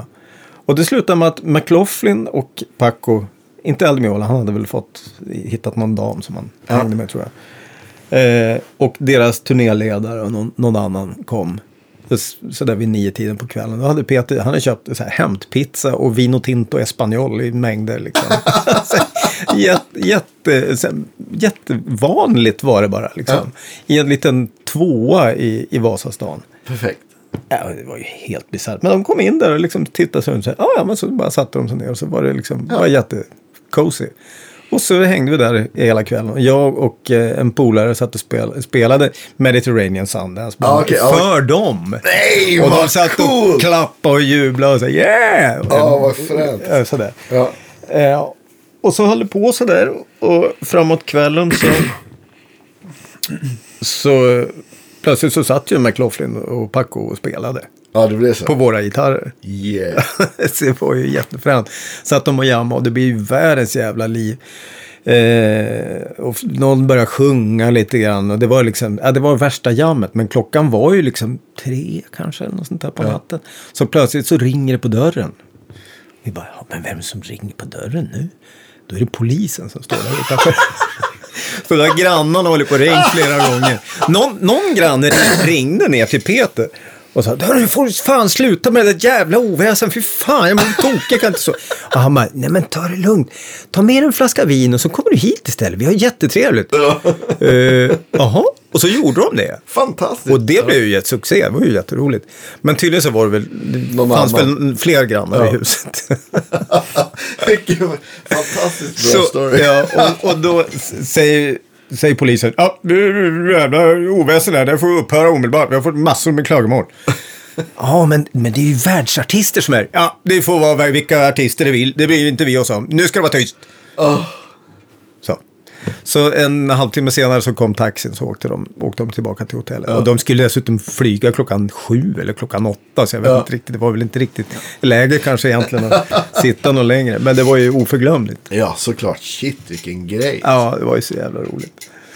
Och delar av det där spelade faktiskt Peter in på en liten sån här kassettbandspelare med inbyggd mikrofon. Så vi har li lite liksom minnen kul. från det. Det låter ju, det är så kackigt inspelat. Men bara att det ut, ibland känns det som att det, som att det var en dröm nästan. Att man Ja, inte har varit jag. med om det överhuvudtaget. Sen var det faktiskt att jag, också via den Peter då, som, är en, som ni förstår inte, inte, eh, inte har så mycket stopp sådär. Nej, jag förstått det. Utmärkt trevlig typ Ja. på det viset. Så att vi var och tittade på när Paco kom med sin grupp. Han hade Paco de Lucia sextett och septett och sådär som han har haft under årens lopp. Med eh, mera traditionell flamenco-inriktning som med flamenco-sångare och lite Ja. sådär.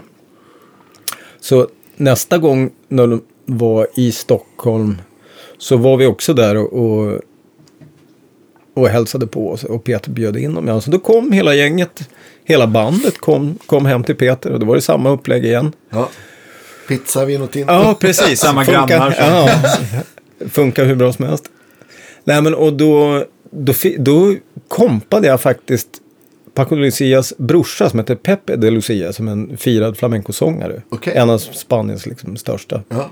Fick jag kompa honom när han sjöng. Yeah. Och det är också en sån där grej. Liksom, I Spanien skulle ju knappt någon kunna säga att de har gjort det. För det är ju liksom, Ja. han är ju en superstjärna. Som att kompa B.B. Johnny, King. ja, B.B. King eller Johnny Cash. Eller jag vet Ja, inte ja, vad man ska dra till Ja. med någon namn. Så. Det är också Det var lite här- nervöst kanske. Ja, Eller? inte då. För det var liksom bara, ja men vad ska vi köra? Ja men kör nu. Så var det man någon Sevillana som är jätteenkelt sådär. Bara tänkte, ja ja men det kan ju, det går ju hur bra som helst. Så bara jag körde på, han stod där och sjöng och så var det några som dansade. Och så var det, ja, sen var det färdigt med det, så var det skål. Så var det liksom vidare med något annat. Så det var, ja lite så här, Ingen stor grej. ingen stor grej alls. Men för mig så var det liksom bara, hjälp, tänk att jag gjorde det där. Fan vad ska, konstigt. Skitcoolt. Ja, det var väldigt roligt. Eh, ja, så det är liksom några roliga minnen då, vad det gäller just Paco de Lucia. Så det, ja, han...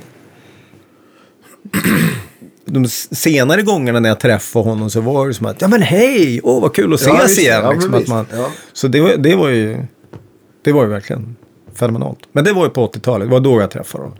Sen senare så har jag liksom inte stått ihop med honom alls. Nej.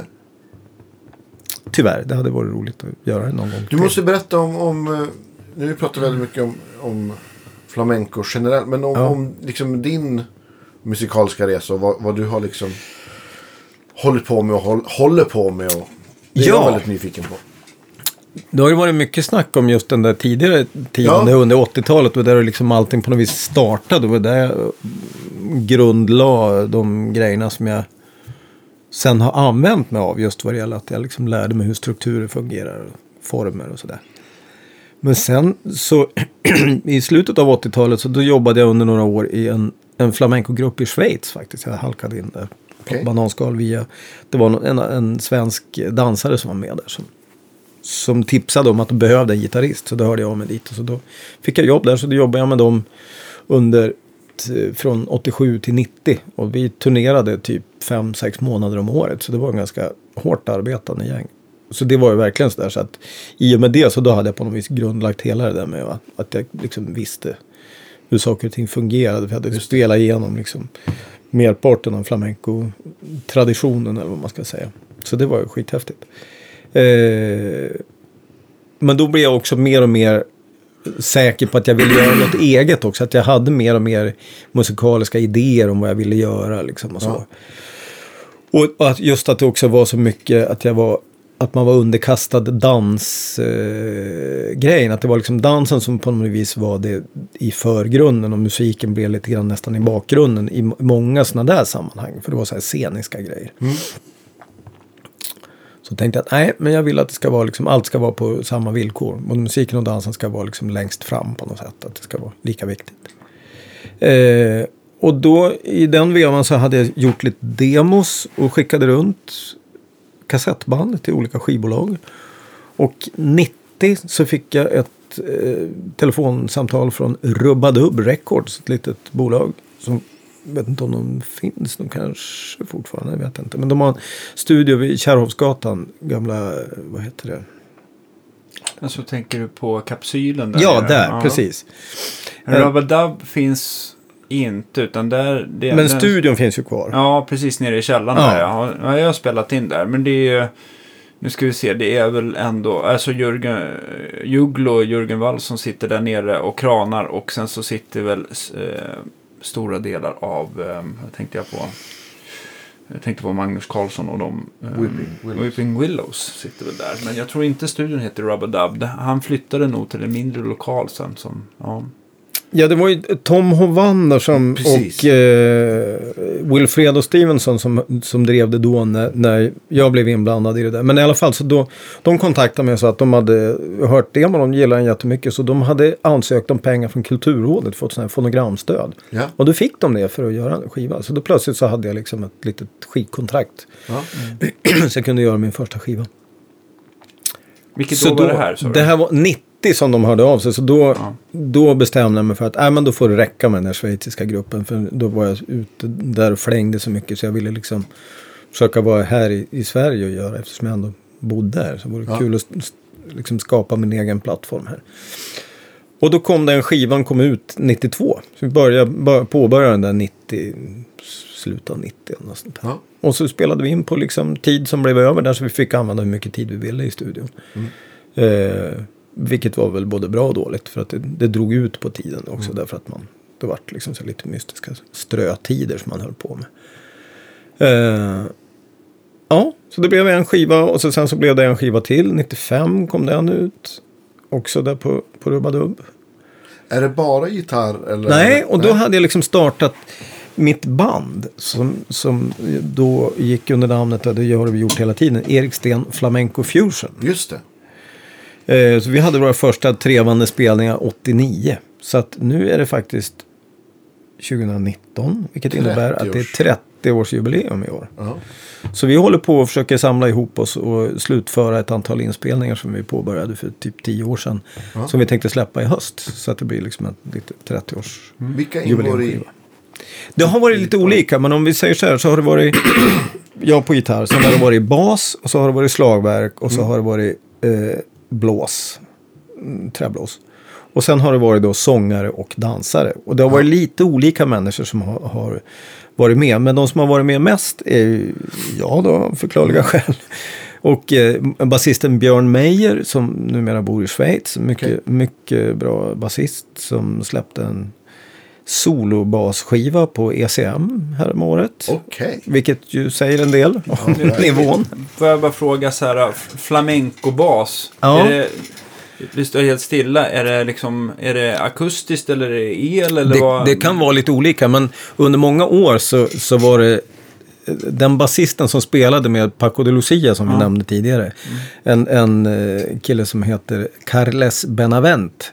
Han var liksom tongivande inom detta område. Och då kan man klippa in till exempel en låt med Paco och Carles. Man kan höra hur de lät 1981 som blev liksom bildade skola för hur flamenco bas ska låta. Har du, Ja, har du ett låt?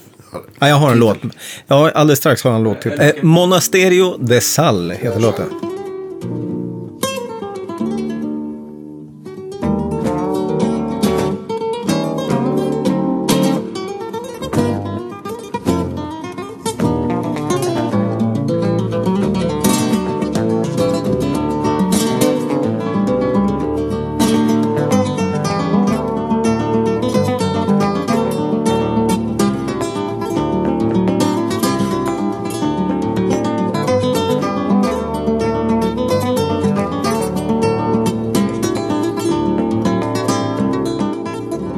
Utmärkt bra låt, det hör man. Liksom, han är som en, en blandning av Pastorius och lite annat sådär. Eh, och spelar med ett filtplektrum, det är du. Det är inte många Jaha. som gör. Nej. På någon slags Gibson-bas. Ja, skitmysko. Allting, men det låter asbra. Jätteroligt. Han i alla fall, på något vis, under många år så var, var han tongivande i hur liksom, flamenco-bas skulle spelas. Och så. Men eh, Björn då, som spelade med mig, han eh, var liksom utvecklade något eget sätt att spela flamenco-bas. Han faktiskt tagit sig an lite olika typer av flamenco-gitarrtekniker när han har spelat. med Okej. mig. Så- Så han är med på de första, ja det är nog på alla fyra tror jag rent av. Vi gjorde två skivor med Flamenco Fusion på Rubadub och så sen så tänkte jag att jag kanske ville liksom börja öppna ögonen för andra områden om det fanns någon annan som kunde tänka sig att göra det. För det känns som att vi behövde ha lite annat ljud och lite annan liksom, ja. Sådär. Så då hamnade vi på eh, Fairground Records. Som var en etikett som låg under Scandinavian Songs. Okej. Så då gjorde vi två, två album där. På den här Fairground-etiketten. Så då fick vi spela in på Atlantis och lite sådana andra ja, anrika EMI-studion ute i Skärmarbrink. Och så. Fick man prova på lite sådana grejer. Så det var lite trevligt. Men då var ju det verkligen precis tvärtom. De första två skivorna de kunde vi spela, spela in under liksom loppet av ett år eller två. Och de, de sista två där då på, på Fairground. Då spelade vi in den första plattan tror jag vi gjorde på, spelade in den på tre dagar och mixade den på två dagar. Så det var liksom pang tjong bara. Ja. Men det låter ju fantastiskt med inspelat på Atlantis. Och den, den fjärde då, eller den andra på Fairground. Den spelade vi in kanske, då tror jag vi fick några dagar till. Så jag kanske hade fem inspelningsdagar och så sen två mixdagar. Så den fick jättelång tid, nästan Pink Floyd-nivå och så.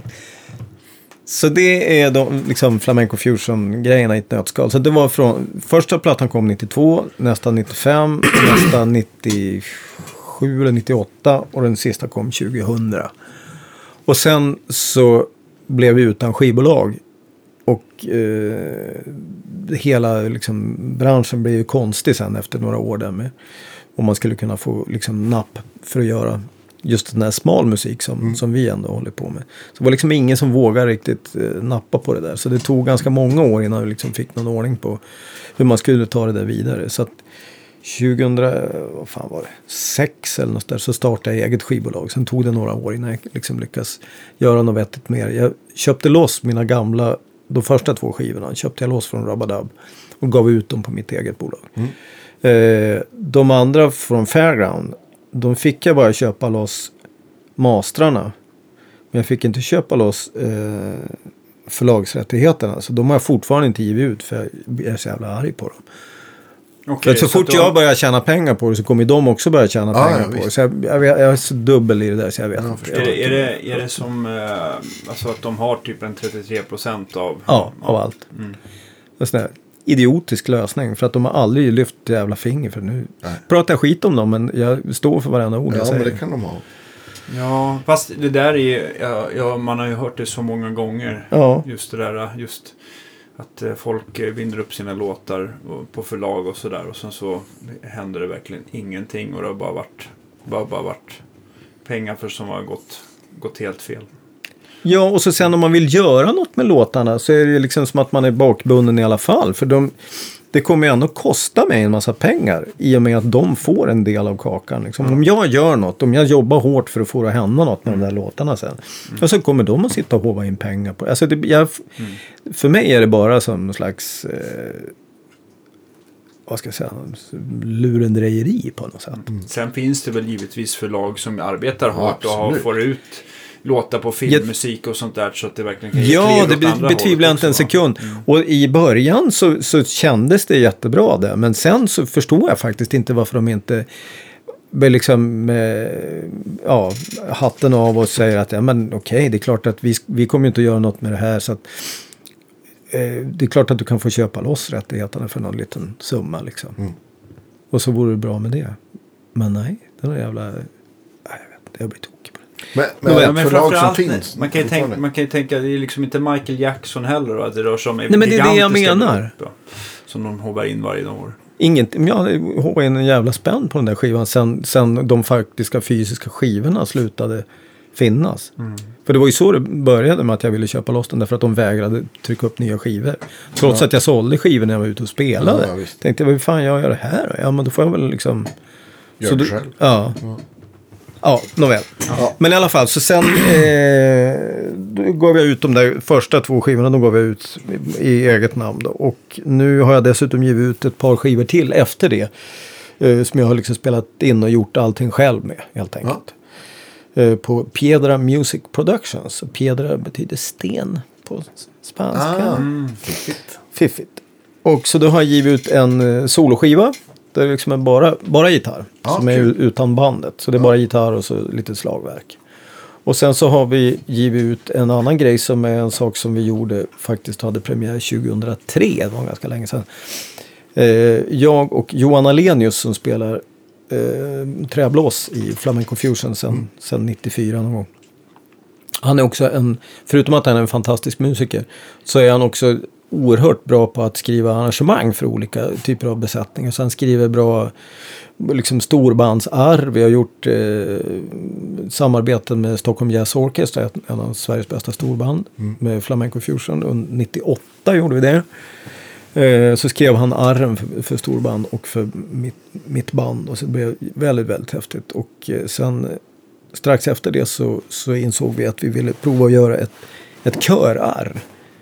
Göra en flamencomässa, alltså en kyrkomässa. Ja, okej. Eh, med flamenco fusion och kör.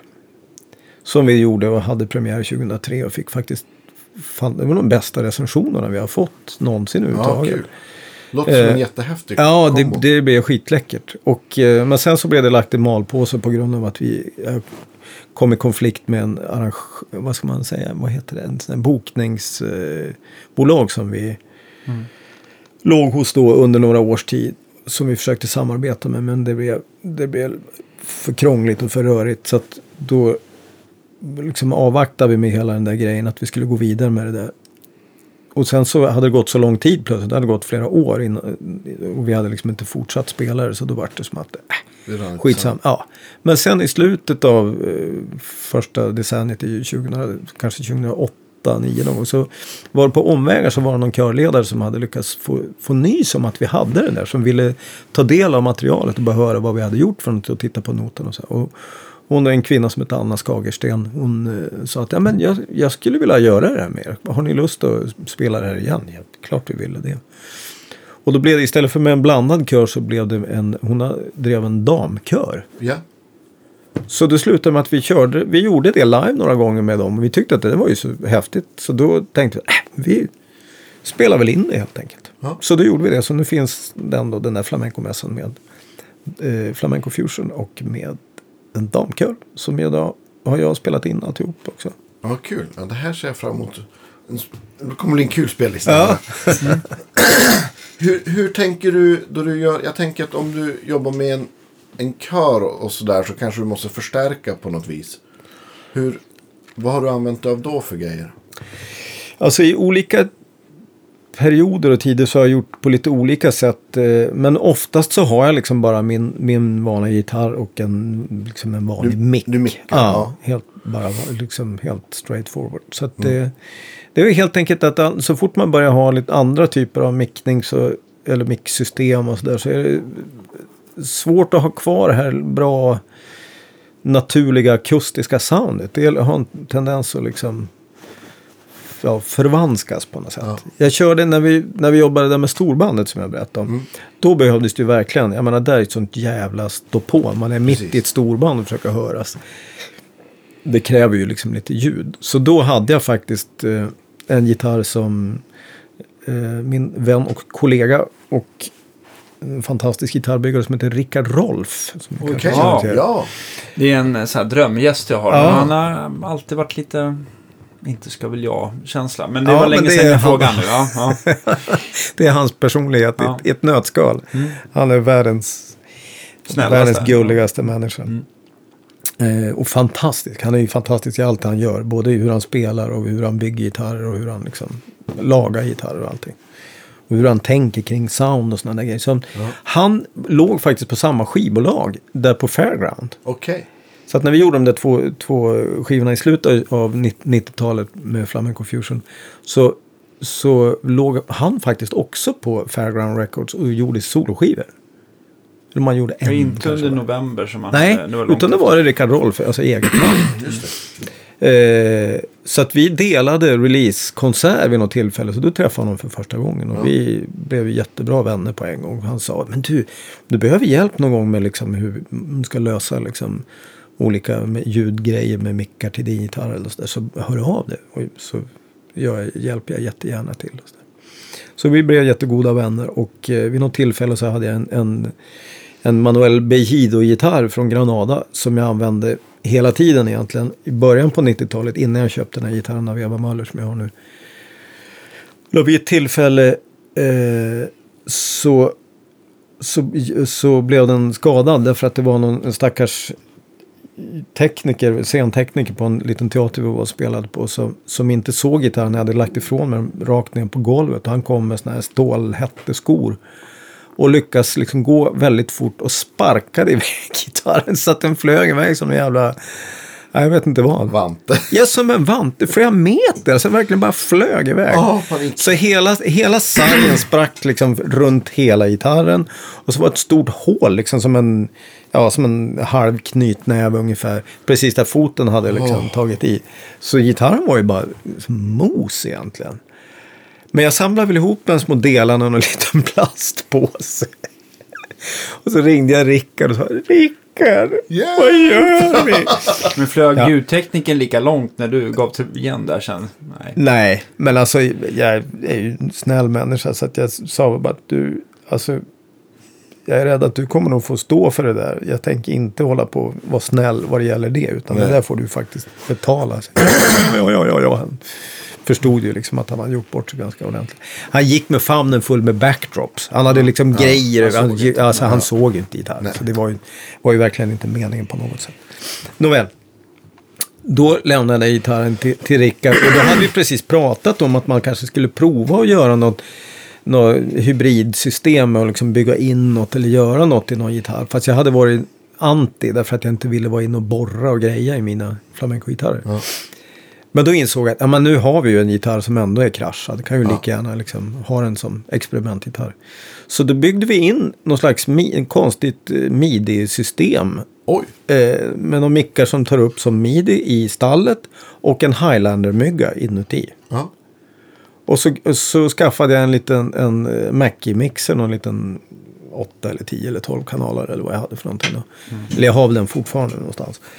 Eh, så då kunde jag liksom koppla alla de där grejerna liksom separat och sitta och, liksom, och blanda ljudet med en liten mixer bredvid. Men hade du någon gitarrsynt då som... Ja, då hade, för den hade jag också. Ja. Så då kunde jag liksom koppla in den också. Så jag har dessutom en sån här, vad heter den där andra Roland-apparaten som... VG... VG88. V- Ja, exakt. En Ja. VG88 också.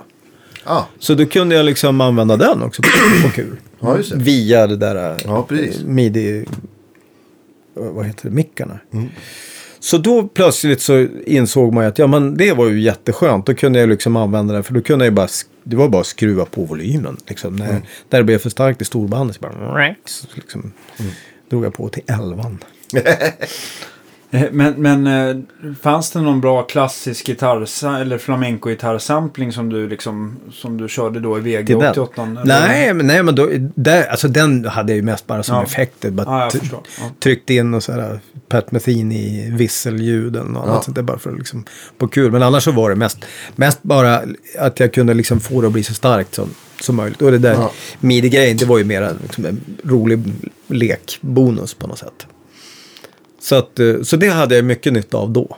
Du måste gå och hämta din eh, flamenco-gitarr. Det ska jag jag känner så här. Kul. jag, är, jag har ju stått och... eh, jag måste, få pry, jag måste få prylnörda av mig lite grann och fråga lite. ja. Ja, visst, jag går För, för det där är ju liksom, ja, det är ju en, en, ja, det är något annat. ja, det är något annat än vad man brukar hålla på med. Det, jag funderar att kanske, man kanske till och med får filma lite. Det kan man få göra om jag bara får stämma och Ja, ja, herregud. absolut. absolut. Jag stämma är fusk. här. Jag måste på En- toa. Jag måste också på toa.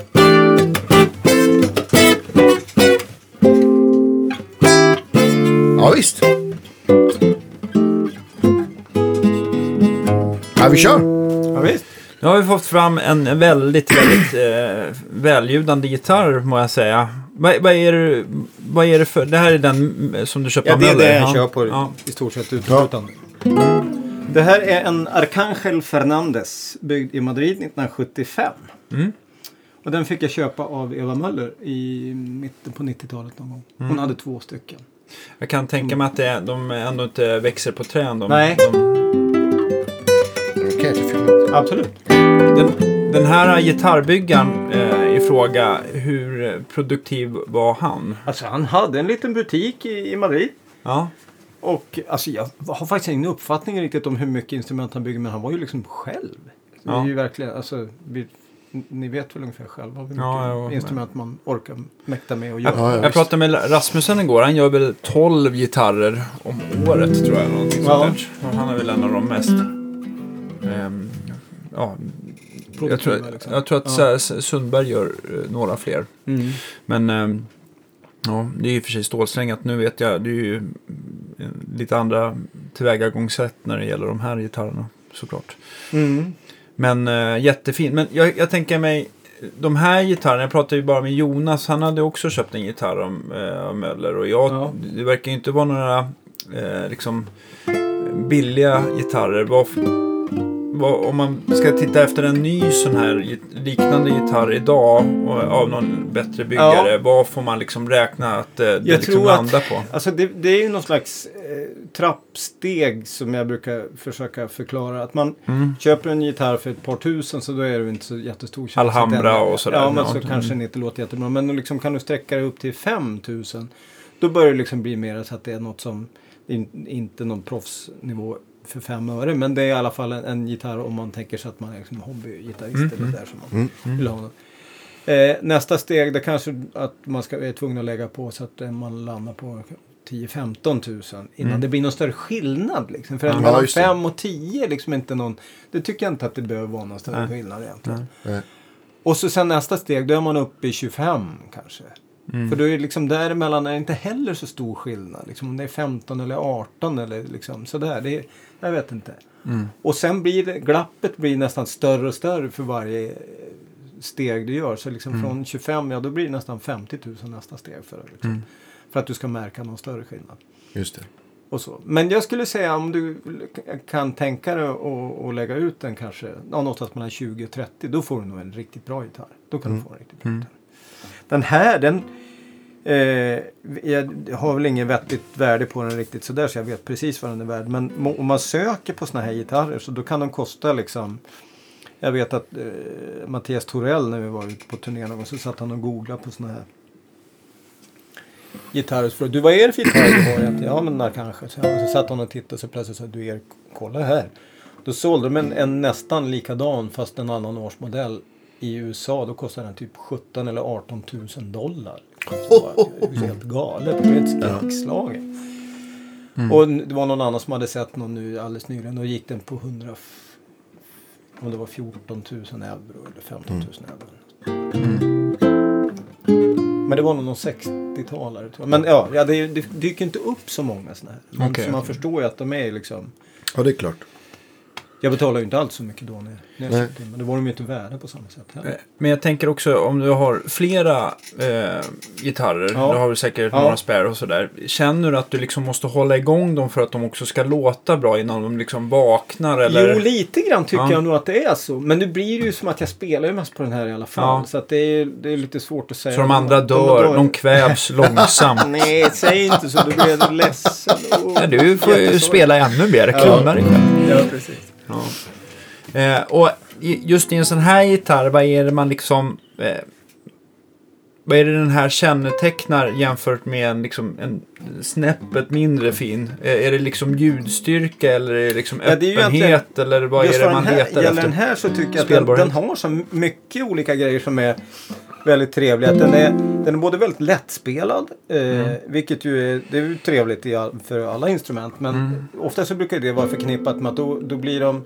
kanske att det är låg stränghöjd så att det, det är lättspelat på grund av det. Men, Ja, det. men att det också gör att då kan smäller väldigt mycket. Men den här har, har liksom en väldigt ganska lång och trevlig klang. Nu, jag erkänner att de här strängarna, de är they are ancient. Liksom, före egyptiernas tid. Ja, ja, man, man ser i vissa ljus så ser man ju på framförallt de lindade strängarna att det blir så här märken efter bandstavarna. Ja. Så att, eh, att de hade fått lite så. Men de verkar ju låta... Du verkar ju inte ha någon, någon eh, förrädisk handsvett som dödar strängarna. Ja, det, så fort jag sätter igång och spelar mycket så då blir det väl det. Men om man tänker så här, om man jämför med en klassisk gitarr rent konstruktionsmässigt, liksom mensur och bredd på hals och, och greppbräda, är det någon skillnad eller? Alltså, jag tror inte att det är jättestor skillnad. Det är väl ungefär på samma sätt som det är skillnad mellan olika klassiska gitarrer också. Ja, just de är inte Ja, jag allt, alla är inte exakt likadana. Nej.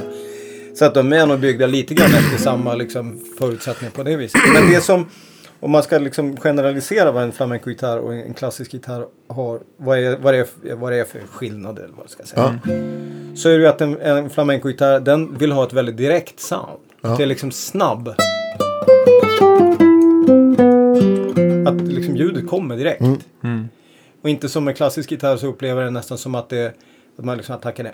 Och så kommer ljudet liksom Ja, efter det. stund. Men då klingar det lite, lite längre kanske istället. Liksom. Med Men lite den här- kompress, kompressorn på. Liksom. Ja, precis. Ja. Men den här har ganska mycket liksom, efterklang. Eller vad. Alltså den klingar ganska mycket ändå. Ja. Och nu trots att det, vi är ett dämpat rum och att jag, strängarna är liksom som sagt de är ju praktiskt taget döda. Ja. Basarna är liksom helt bortom räddning. Eh, när det gäller strängar då, är det någon skillnad där mellan klassisk och flamenco-gitarr? Eller kör... Jag kör på Savares Allians strängar. Ja. Medium tension. Förut körde jag alltid på hard. Men jag på är det någon skillnad i ljud mellan medium och hard? Framförallt så var det det att de är liksom lite hårdare att spela på. Så det kände jag någonstans att nu, nu spelar jag inte riktigt lika mycket till dans. Nej, Så då tyckte jag att äh, men du behöver inte ha så jävla hårda strängar för att liksom matcha när jag gör de här. De där grejerna. Ja. Det är liksom, ja, det blir så mycket, eh, vad ska jag säga, attack på dem så då är det bra att ha något som, som tar emot.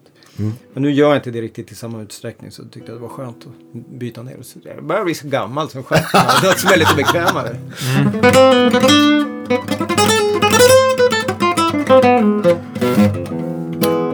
Skulle du kunna ge, det här blir ju verkligen så här super crash course, men skulle Mm. du kunna ge några exempel på lite olika stilar och, och som du pratade om, om Ja, det kan jag. förut? För att bo- både jag och Danne som du har förstått är ju helt novis på det här liksom. Jag kan, egentligen, jag kan egentligen allt, men jag låter... Det är bara, precis, det är bara för att kolla att det stämmer. Ja, exakt. Om jag säger rätt sak. Ja. Ja, men än, än så länge har du faktiskt skött det bra, tycker jag. So far so good. Så varsågod. Eh, Man kan ju börja med att bara visa, vi har pratat om skillnaden i teknik så där mellan Ja, klassiskt gitarrspel och flamenco-gitarrspel. Så Det som på något vis definierar hur man, vad det är man gör på en flamenco-gitarr, det är ju högerhanden. Vänsterhanden den gör ju liksom relativt vanligt det mesta, det är ju inte något konstigt. Eh, men annars så är det liksom högerhanden som på något vis gör det som blir flamenco. Och då använder man sig av flera grejer som är egentligen samma som i klassiskt gitarrspel. Man spelar arpeggion.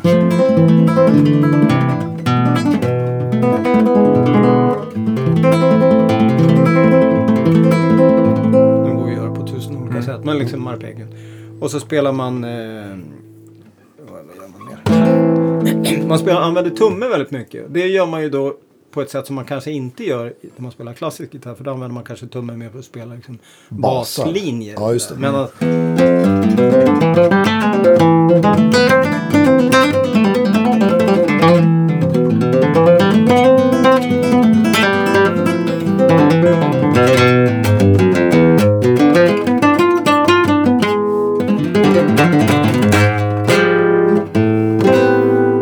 man spelar melodi. Alltså man använder den verkligen som att spela vad som helst med.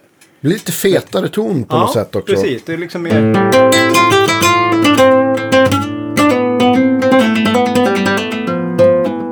Och så finns det lite grejer man kan göra att man spelar fram, fram och tillbaka så man använder det som ett plektrum.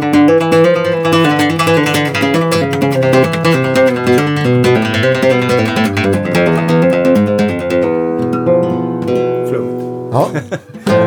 vad, vad heter det då? Man... Ja, det, egentligen så heter det bara polgär, men eh, det är ju liksom lite olika. Det fin, finns en annan grej som man gör med, med tummen som, som heter althapua.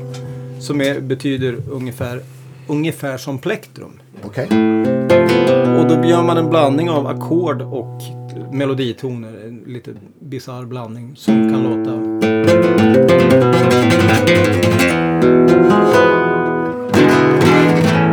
en, ett så det hör man tydligare. Man, liksom, man är på nu säger ett dominant ackord så ska vi landa på A här nu. När man är här så kan man göra till exempel, vad ska man göra? Bara den lilla melodin. Men då gör man... Om man gör det fort så låter det...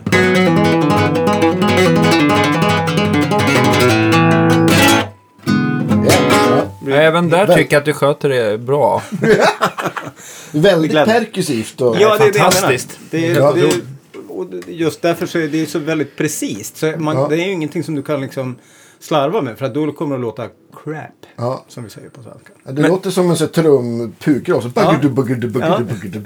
Ja. Om, om man liksom gör sådana här, eh, man tänker bara som en snabb skala upp och ner. Eh, hur, liksom vilken teknik använder man sig av? Nu vet jag att det här är väldigt tidigt på dagen och jag, kanske inte är rätt tid att spela snabba skalor. Men, men, men om man liksom, eh, ja, vanlig Ja, ja, skala, är det, det, precis, kör man då, då fingrarna kör man med, med fingrarna. Så då, då använder man det som kallas för picado. Så då gör man det bara pek och långfinger. En Okej. del använder tre fingrar men det har jag aldrig hört någon som gör något vidare snyggt. Så det har jag aldrig förstått riktigt poängen med.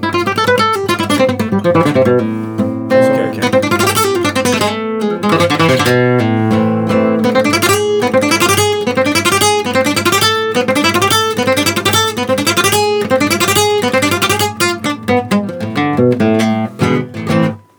typ ja, coolt. morgon.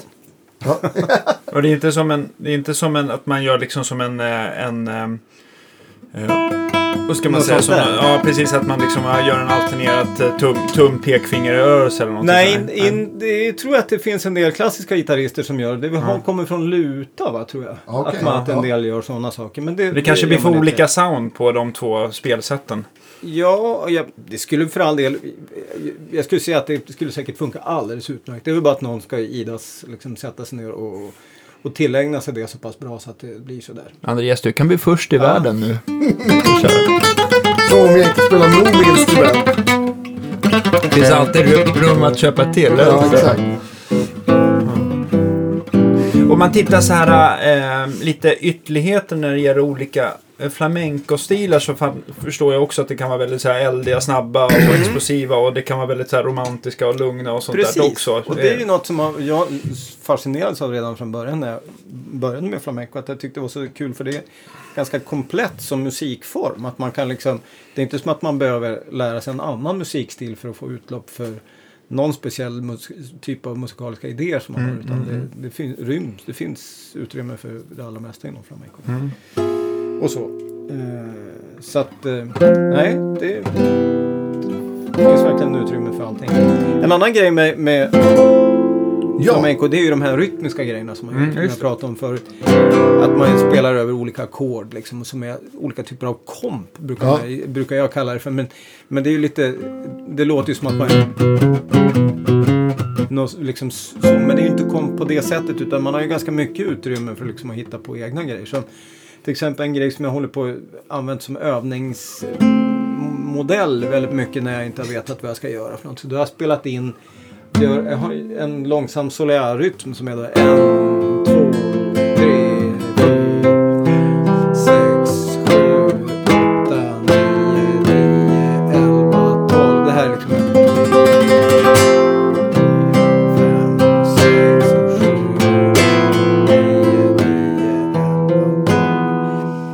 liksom en jättevanlig flamenco-stil. Och den, om, man, om man gör den som man ibland, ibland gör med, när man jobbar med dansare, då gör man mycket fötter över det där. Och då tar man ner tempot ytterligare. Men så lägger man på liksom ett... Så att man gör...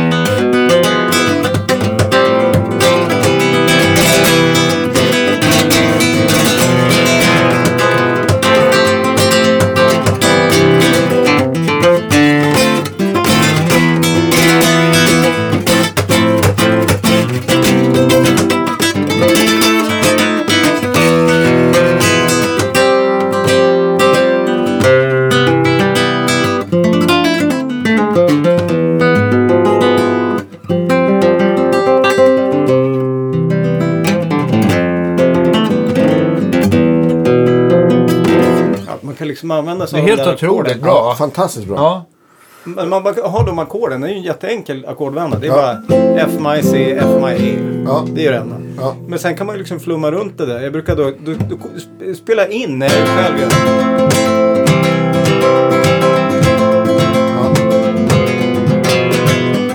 Fyra, fem minuter. Och sen så sitter jag och spelar liksom.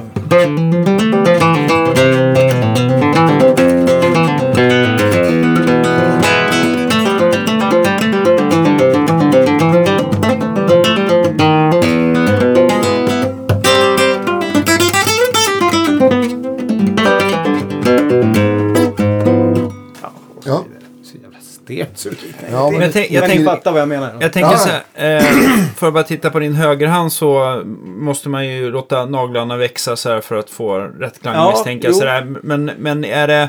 Jag tänker också till skillnad från dig Andreas som kör eh, mycket naglar också men Ja. nästan måste ha lösnaglar. Är det att nylonsträngarna sliter så att du inte behöver liksom... Eller Jag- jag spelar du har av ju- dem också? Jag har, det, alltså, jag har ju, jag vet inte om det syns men Ja, vi filmar. ser att det blänker lite grann ytterst på Ja, naglarna. precis. Ja, just Och det är det. för att jag har på, jag har på lite sån här, vad heter det, nagellim. ytterst. Jaha, okej. Som jag har som ett skyddande lager, ungefär som en nagellack fast limmet är ju hårdare än Ja, lack. just det. Eh, Som är liksom det yttersta. Så att när jag gör de här så nöter det på, på, på limmet först innan Just det börjar det. nöta på nageln. För att skulle jag vara utan det där så det, skulle, det blir nästan som att spela på sandpapper även om det liksom tar, Lång tid. tar lång tid. Ja. Men gör jag det där länge, när man spelar till dans, då kan det ju vara att man sitter och gör sånt här i timmar. Typ.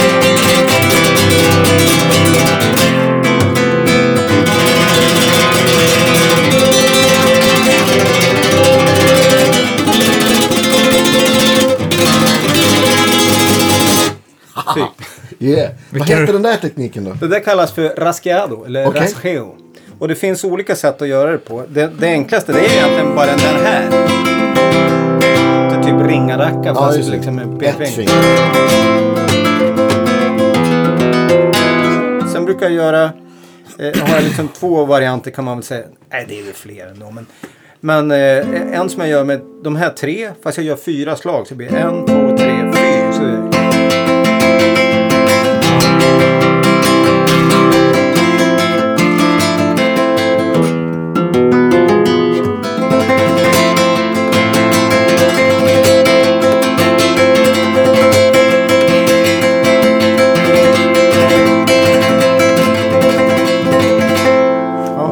liksom som fy, fyra. Som man ju kan göra i vilka liksom, rytmiska varianter som helst. Sen har jag en annan där man tar bort den där fast jag fortsätter med de där två. Då blir det tre slag istället. Så det blir Alltså triol. triol eller sextol. Liksom. Ja, just det.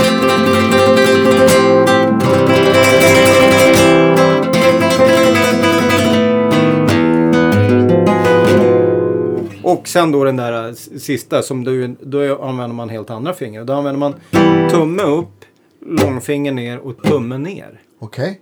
På ett fullständigt obegripligt sätt. S- Säg det där igen. Ja, tumme upp, långfinger ner och tumme ner. Så det är en, två, tre, en, två, tre, en, två, tre. Och med betoning på upp.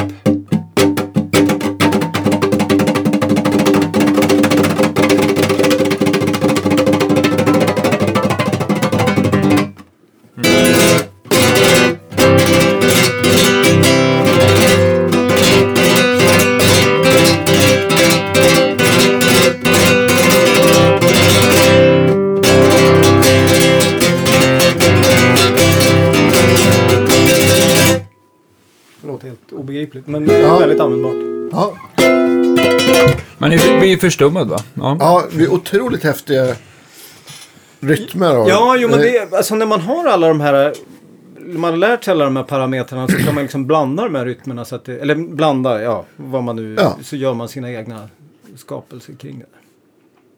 Och det är häftigt. Du, du pratade förut om, om mer såna här ha- harmoniska världar eller stilar. Eller, kan du ge något konkret exempel på? Eh, ja, alltså. Flamencon i stort så är ju den liksom oftast byggd kring de här frygiska grejerna. Så jag Ja. brukar ka- säga det här porom pom pom om ni kommer ihåg det här. Pom.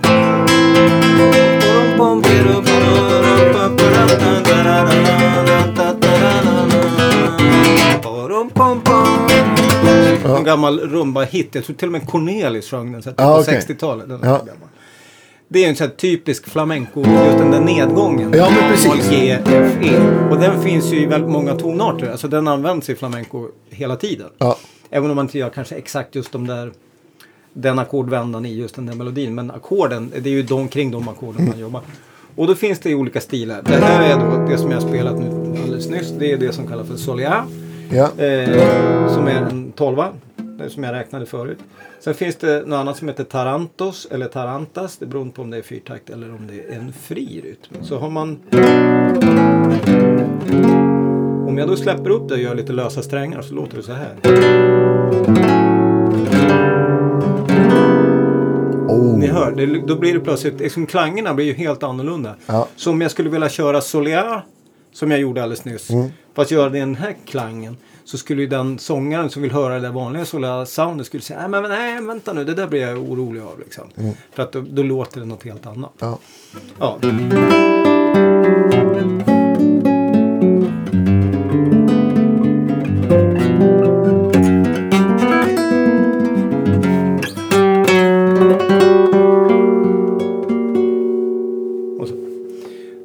Sen om man går vidare så har vi, vad blir det här nästa? Jo just det, då har vi, börjar man här.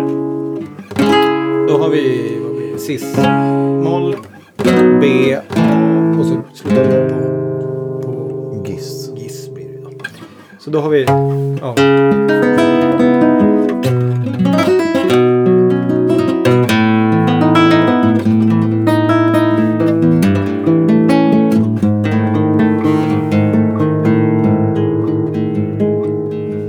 Jättehemligt. Ja. Och det här också. Ett favoritackord. Mycket blir alldeles glad. Men jag ser det där leendet på dig också Andreas, när, när du kommer, eh, när du kommer liksom köra den här videon i ultrapid och he- hemma och uppe hela natten.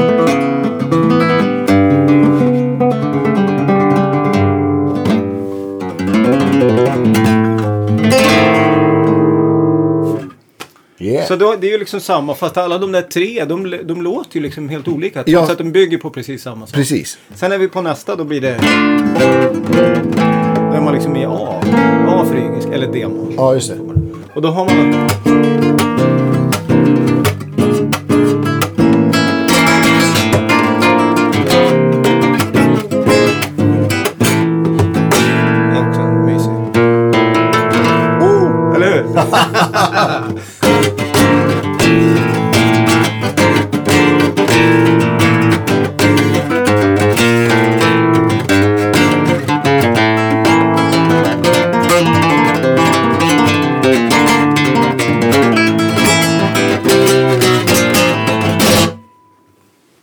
Grymt. exempel. Tangos heter det där. Okej. Eh, ja, ska vi se. Sen har vi... Jag går liksom bara ett steg upp hela tiden. Ja. Så då blir nästa, det blir, det blir så här.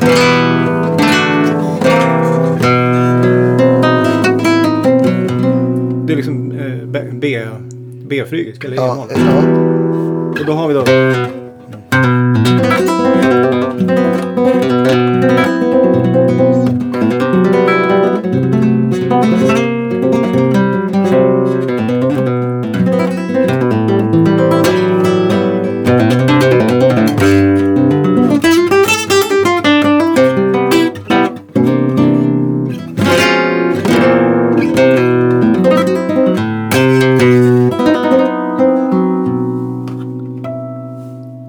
Yeah.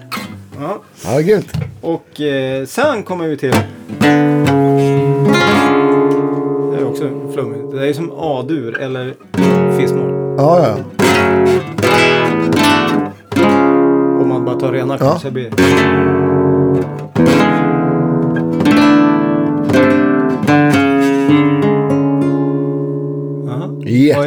klanger. Ja. Spela det här ackordet igen.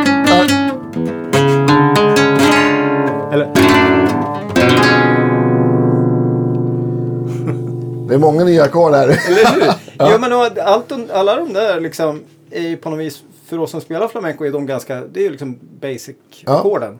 Men de är ju otroligt rika. Alltså de Ja, är ju, innehåller ju så mycket krydda så att det är Ja, liksom... kan man lugnt säga.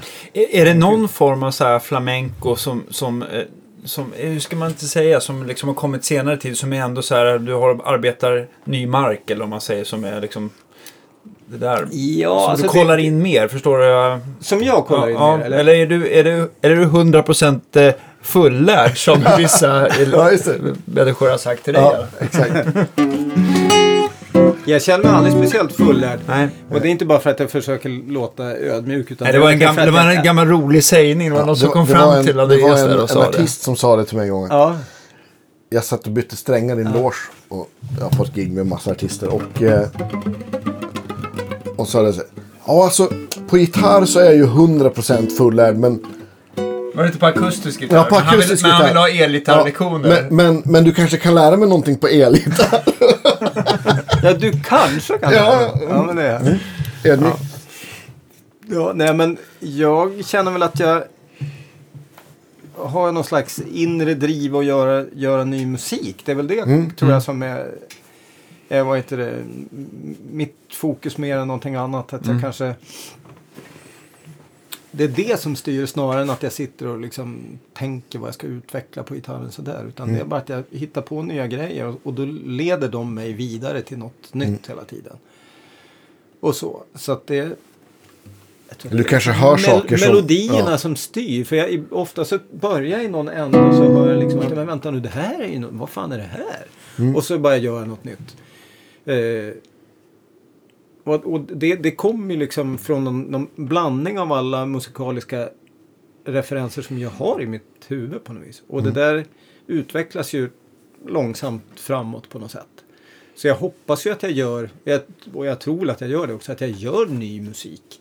Mm. Så att man inte som en del gitarrister Mm. som liksom återuppfinner sig själv hela tiden. Ja, man liksom på något vis bara stuvar om det man redan har.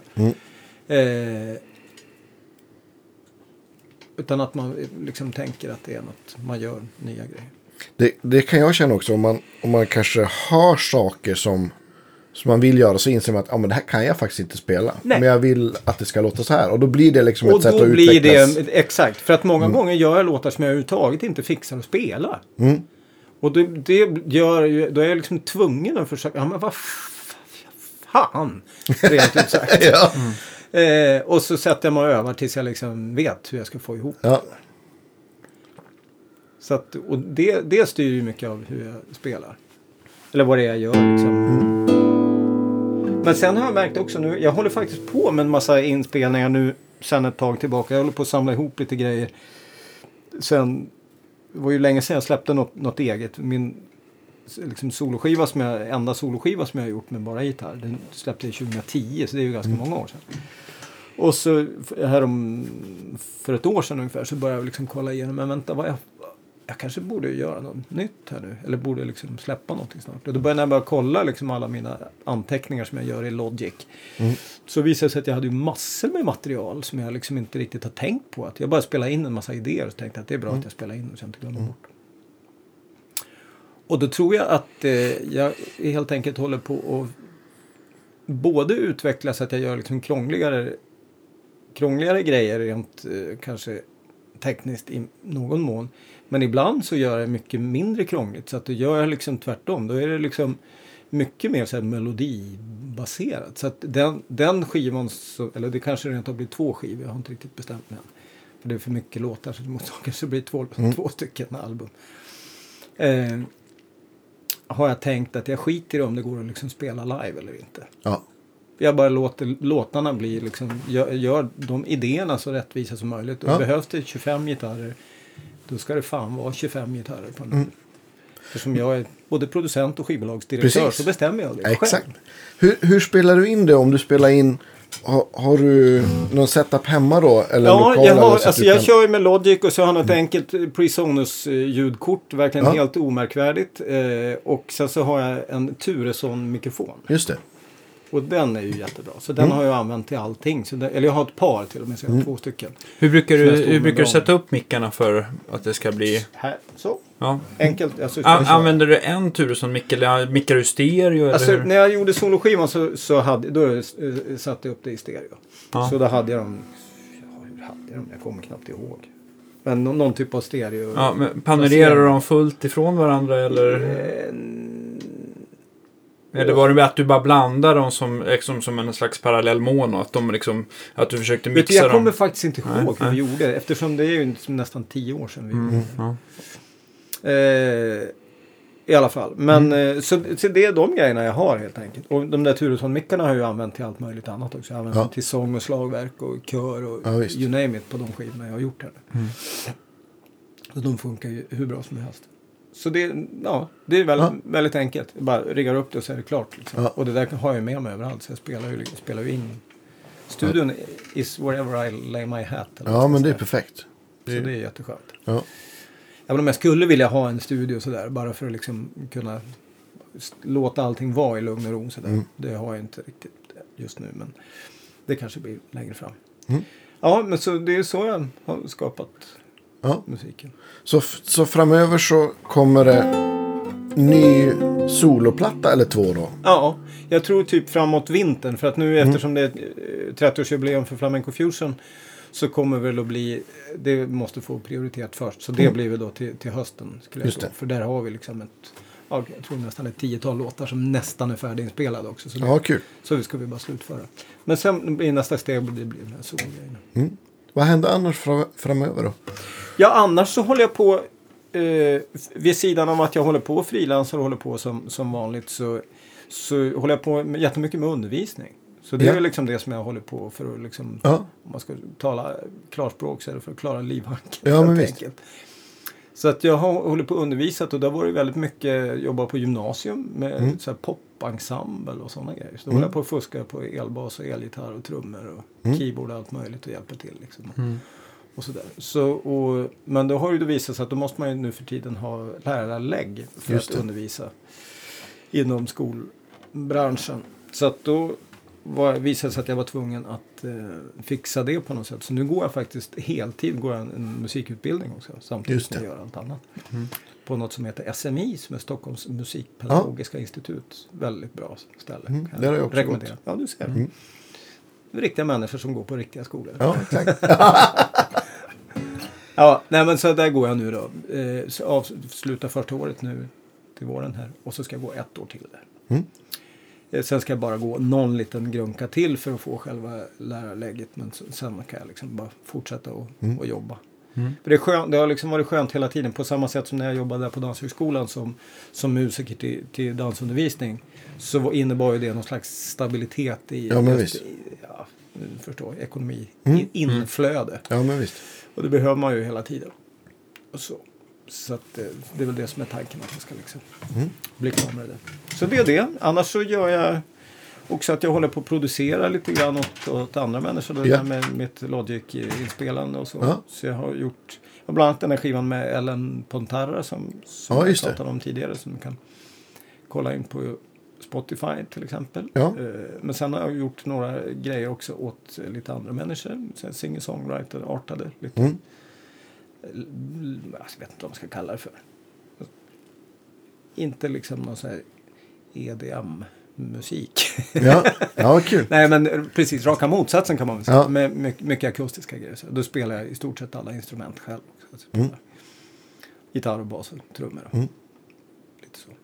Så. det gör jag mycket. Och det trivs jag jättebra med. Det har visat sig vara ännu roligare än vad jag trodde att det skulle vara. Ja, men det är det. Det är kul att vara kreativ. Ja, men det, ex, exakt. Och det är väl där, där någonstans som jag känner att jag känner mig som mest hemma på något sätt. Ja, Egentligen. Att liksom vara kreativ. Och det gäller inte bara att vara kreativ kring mina egna grejer. Utan det kan ju vara då att det är någon annans material. Någon Precis. kommer med liksom en liten bara en melodi och några ackord och säger att ja. Ja. men jag vill spela in det här. Ja, men okej. Mm. Då gör vi en låt av det. Och då sätter Mm. jag ihop det på något Ja. sätt. Och det visar sig att det är något som jag både gillar och trivs med. ja det är ju sånt är jättekul verkligen. Mm. Har du gjort, liksom jag tänker så här, så här lagt flamenco-gitarr på rena så här popgrejer också? Har det jo, hänt det också? har jag absolut gjort. Eh, och det har väl det har ju blivit ett antal grejer under åren så, där, så att jag har ju spelat Ja. med alla möjliga olika typer sådär. Eh, Även om det inte är liksom en gång i månaden eller Ja. varje år. Men eftersom jag håller på så jävla länge så, så har det blivit lite annat. Ja. Lite ett och annat. Så det har ju varit allt ifrån eh, Plura, soloalbum och eh, gjort grejer på och vad fan var det mer? Christer Sandelin och ja. Ja. men massa olika. Ja, visst. Dansband. Det har Ja. liksom varit verkligen allting och jag ju, försöker verkligen hoppa på allt sådär Mm. för att jag tycker att det är ju jättespännande och roligt. Förutom att det naturligtvis är bra om man kan tjäna pengar på att Ja, spela. visst. men, men liksom, ja. Jag tycker det är otroligt lärorikt all, allt sånt. Liksom, Ja. Att kasta sig in i något sammanhang som man känner att man inte riktigt, inte riktigt vet om man hör hemma där. Men Ja. försöka göra något vettigt av det. Så. Ja, men eh, kan det bli roliga kombinationer av. Ja, precis. Om du, jag tänker så här, om du reser, törs du ta med dig den där gitarren? Eller har Ja, du... nu börjar det faktiskt bli mer och mer skräckslagen situation. Så att nu när jag Mm. åkte, jag var i Helsingfors och lirade bara för några veckor sedan. Och då tog jag faktiskt båten fram och tillbaka bara för att undvika att det skulle bli någon krångel. Ja. Jag var i, i, tillsammans med Jonas Knutsson, saxofonisten, så gjorde vi någon grej. Han brukar jobba med en, eh, en blåsorkester lustigt nog i Nordnorge, i Brönnöysund. Ja, Och har gjort det under många års tid. Och han bjöd in mig och min fru som är flamencodansare och lite andra musiker från jordens alla hörn ska göra som lite världsmusik-tema eh, tema tillsammans med den där blåsorkestern. ja. Och på vägen dit så lyckas de ha sönder faktiskt den här gitarren. Så att om man ser här, filma. ser du här? Ser du hacket? Det är liksom ett hack Ja, igenom ja visst. Ja. Den gick rakt av. Panik. Så att liksom halsen, jag kunde liksom, det var lite som, jag känner mig som, som vad heter han, eh, Jimi Hendrix eller något, så jag kunde ta, och så bara tryckte jag fram halsen och tillbaka. Så här. Men, men Och jag, bara märkte, jag märkte det då när jag liksom kom till, till repet, men vad fan vad konstigt gitarren känns, är alldeles mjuk. Och då såg jag att den hade spruckit. Så att, eh, jag försökte ju sätta dit dem, men det, det gick inte. De bara vägrade. Så då har Rickard Rolf, han har hjälpt mig, så han har lagat Ja. För det, det hände ingenting, det var bara det där. Så jag hade tur, ingenting sprack, ingenting gick sönder förutom just det. Men då hade du skickat den på bandet då? Ja, för de tvingade mig att göra Mm. det. Och sen dess så är jag ju liksom helt skräckslagen varje gång. Nej, för det okej att resa med elgitarrer är ju inte kul. Men det är ju så här, det är ju två plankor liksom. Så det är ju, men en akustisk gitarr vill man ju helst inte kanske. Nej. Och inte om det är inte så här, om det är liksom din, din nummer ett-gitarr och en, Ja, och, det, och en klinod är också. det är verkligen så att jag oavsett om jag skulle ha den vad heter det, tillräckligt försäkrad och få tillbaka pengar för den, så men det är ju inte det. Jag vill Nej, ju ha det är ju den, den- här. Ja, exakt. Och det är ju det försäkringsbolag inklusive de här, vad heter det, flygbolagen, de fattar ju inte det. Nej. De säger bara, ja men du får väl ha den ordentligt försäkrad. Ja men vad försäkrad? Ja. Ni kan väl sluta slänga grejerna? Exakt. Så behöver vi inte ens ha försäkringar. Nej. De skiter Ja. fullständigt i vilket. Ja, det, ja, det har blivit skitsvårt. Det är faktiskt. jättekonstigt. Mm. Jag, jag, jag kan faktiskt inte förstå den utvecklingen. Och jag har tjatat om det med många människor, men jag säger det igen. Även om jag bara flyger kanske en handfull gånger på ett år när jag ska till gig. Jag undviker ju det i möjligaste mån och åker tåg vad Mm. jag kan. Så är ju jag, jag är ju inte någon som de tjänar mycket pengar på. Men hur många musiker är vi inte som åker runt i Sverige? Absolut. Alltså vi måste ju vara tusentals som åker hela Absolut. tiden varje dag. Jajamän. Och slå ihop alla de pengarna. Då förstår de liksom Mm. Vilken... vilken För, för, ja, men för det gör vi. Vi reser ju väldigt mycket i Ja, vi arbete. måste ju det resa, det ingår ju, Ja, liksom. exakt. Och ska man från... Eh, man är i Skåne och så ska man spela i Luleå. Ja, fan om man tar tåg liksom. Det är nog inte som man hinner det kanske. Nej. Alltså det är bara att liksom på något vis se sanningen i vitögat. Jag, jag åker ju helst tåg men, men ibland går det ju bara inte för man Mm. Nej. hinner inte. Nej, nej, det går inte.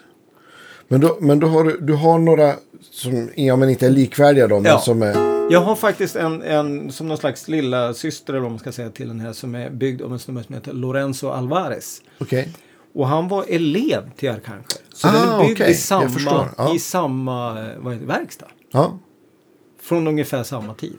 Ja. Så den brukar jag använda ibland när jag ska resa och vet att jag, måste, att jag inte kan garantera att den liksom inte ja, kastas runt sådär. Så Ja, jag, var på, jag var i Filippinerna och spelade för några år Okej. sedan.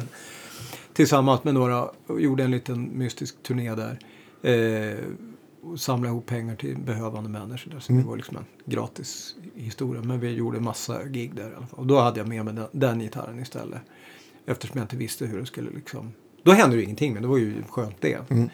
Men det var också en trygghet att jag, att jag visste att det liksom inte var Ja, min, min bästa. Vad har du för case då? Då hade jag nog någon som, som ett sånt där SKB. Fast den där, an, den där andra som heter, som är li, lite, Carlton, eller? ja det kanske är det. Som inte är jättedyrt men som, som ändå står emot. Ja, eller Gator kanske. Ja, kanske det. Det är ju bra också. Alltså ja. jag vet inte. Jag kommer inte ihåg. Men det är någon men som har gjort någon reklam med hundra man som står på ett sånt där case. Ja, och okej. Ja. Hoppar lite grann. Och det visar sig att det håller. Ja. Jag var på väg att köpa något sånt här riktigt svindyrt men jag gjorde aldrig det i slutändan. Jag tänkte att jag inte, ja dels att jag inte hade råd men sen också att jag tänkte att lite grann är det också så att då bjuder in ännu mer att slänga grejerna. När Ja, man men lite så där. faktiskt. Så att jag, jag vet inte riktigt hur man ska resonera kring det där. Nej. Eller så ska man bara ha som så här hårdrocktyper som har såna stora grejer på, på hjul. Så man bara rullar saker fram och tillbaka. Liksom. Ja, Att det är det som är nästa steg. Liksom. För då kan de inte hålla på och slänga utan då precis. kan ingen lyfta. Nej. Ja. Och då blir det för tungt så då kommer du inte få skicka det heller. Nej, just det. då Då är det nästa kosta steg. Får man ha eget, eget flyg. Det är moment 22. Ja, just pausar jag videon här. Ja. Är helt slut i handen. ja, det förstår jag.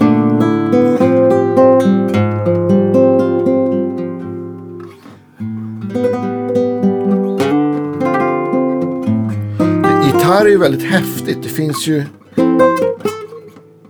Det här är ju liksom ett sätt att spela gitarr som inte har någonting med oss... Eller väldigt lite med att göra med, med sättet som jag spelar Ja, gitarr. jag förstår det. Jag spelar jättemycket slide-gitarr och lapsteel och pedalsteel. Ja.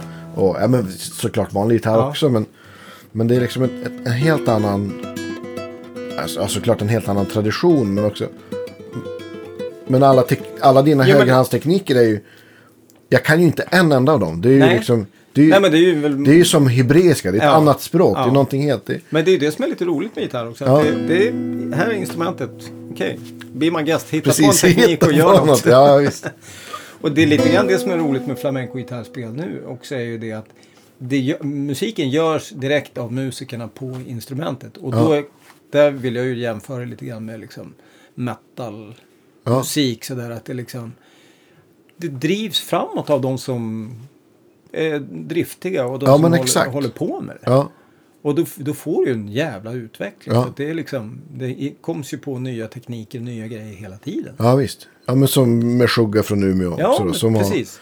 Ja, de har ju också ja, men ändrat sättet folk Ja. spelar gitarr Ja. och, och skapat en, en genre som har utblivit en massa subgenrer. Ja. Det är ju faktiskt ashäftigt. Ja, det att deras, deras nörderi har liksom utmynnat i en massa olika genrer. Det är ju det är ganska hisnande faktiskt. Så är det ju. Och det, jag skulle vilja jämföra flamenco-gitarrspel lite grann med det. Ja. Där finns det ju liksom en an- annan liksom, grej med det där med att man måste kanske bottna i den här traditionen och kunna liksom den här olika Ja, stilen och bla bla bla. Men, men annars den där uppfinningsrikedomen och Ja. det där lusten att liksom Ja. pressa ett steg. Mm. till och göra konstigare harmonier eller göra liksom andra grejer. Men det, om det är en sån tradition så känns det som att det kanske ja, men både inbjuder och uppviglar till att, att, att, ja, men, och att man för att någon ska bry sig så måste man vara originell. Ja, exakt. Jag tror att du uppfattat det precis rätt. Ja. Ja.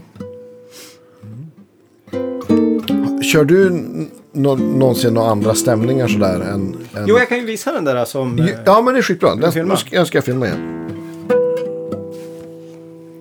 Då har vi, det finns ju en som jag nämnde tidigare, det är som, en stil som kallas för, jag brukar alltid säga att jag skulle behöva frisera mina gitarrer, de ser att jag så håller på att rassla här så det blir som en extra reverb. Slagverk. Ja, precis. I alla fall, ska vi se, tre ner.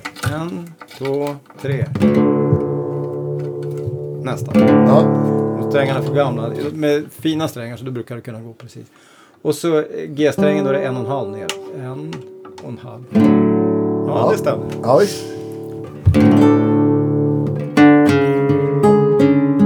Ah.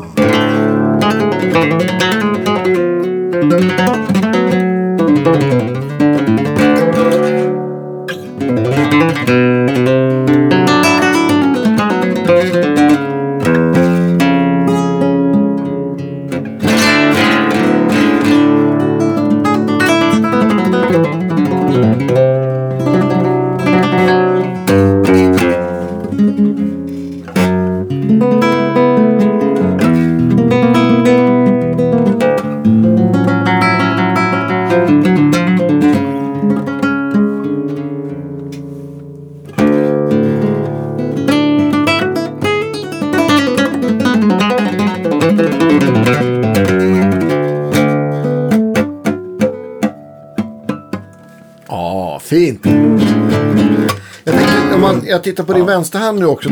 Det är ganska mycket legato. Just när man gör de här tumgrejerna.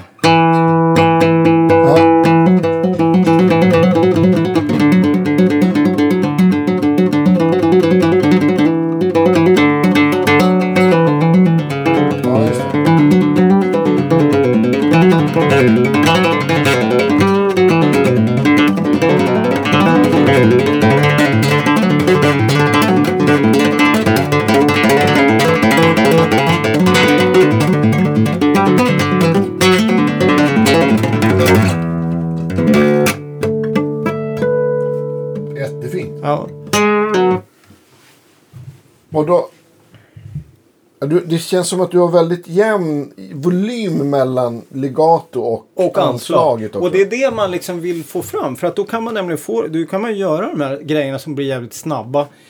Men det är inte det där rock'n'roll, Nej, liksom, det där att man, antingen legato eller anslag. Utan att Nej. det är liksom, du kan inte urskilja vilket Ja, men som lite är som vilket. Allan Holdsworth Ja, har precis. också precis att det blir det där hade den men ja. liksom, vad, vad, vad, vad är det som är vad liksom? Ja.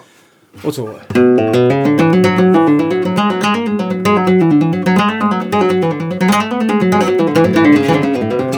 Skitsvårt.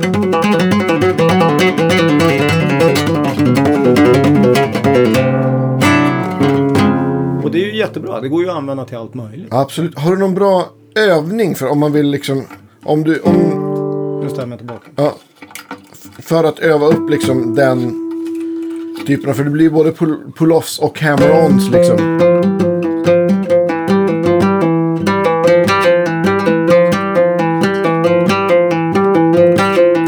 Liksom en figur som man kan flytta runt i någon skala. Så att Ja, just det. Ja, precis.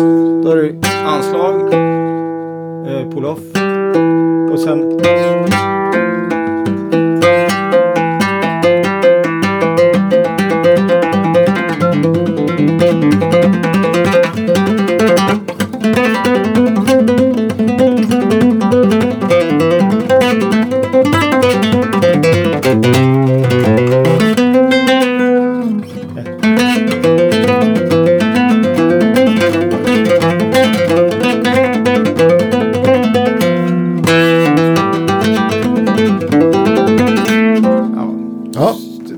typen av grej. Att man liksom, men att man verkligen tänker aktivt att det är liksom...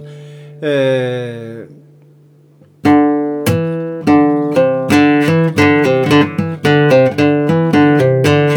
Just det. vad det nu än är man gör. Eller om det... Det gör ju liksom tvärtom eller...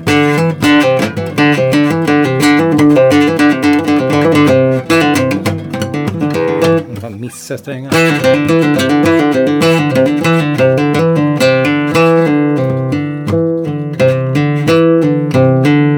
Och så så det, det där kan Ja. man liksom utforska själv. Men om man väljer bara några toner ur en skala så kan Ja, man liksom göra den Ja. typen av, av övningar. Jag har ju några sådana när jag undervisar så har jag liksom, jag kan ju visa en sån, en liten övning bara. Ja, men jättegärna.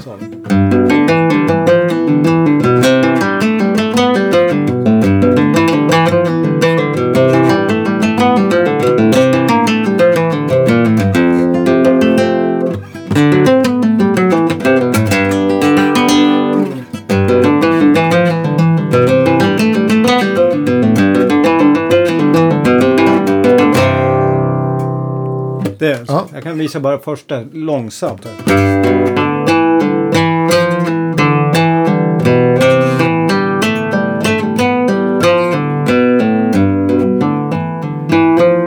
Ja, Ja. så. Då får man liksom med det där. På något vis. Hela, Ja. hela den där grejen.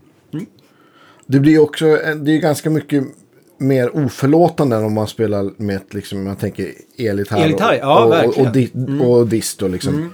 Så har man liksom en, en, ett annat häng och kompression och liksom, som man inte har på en Nej.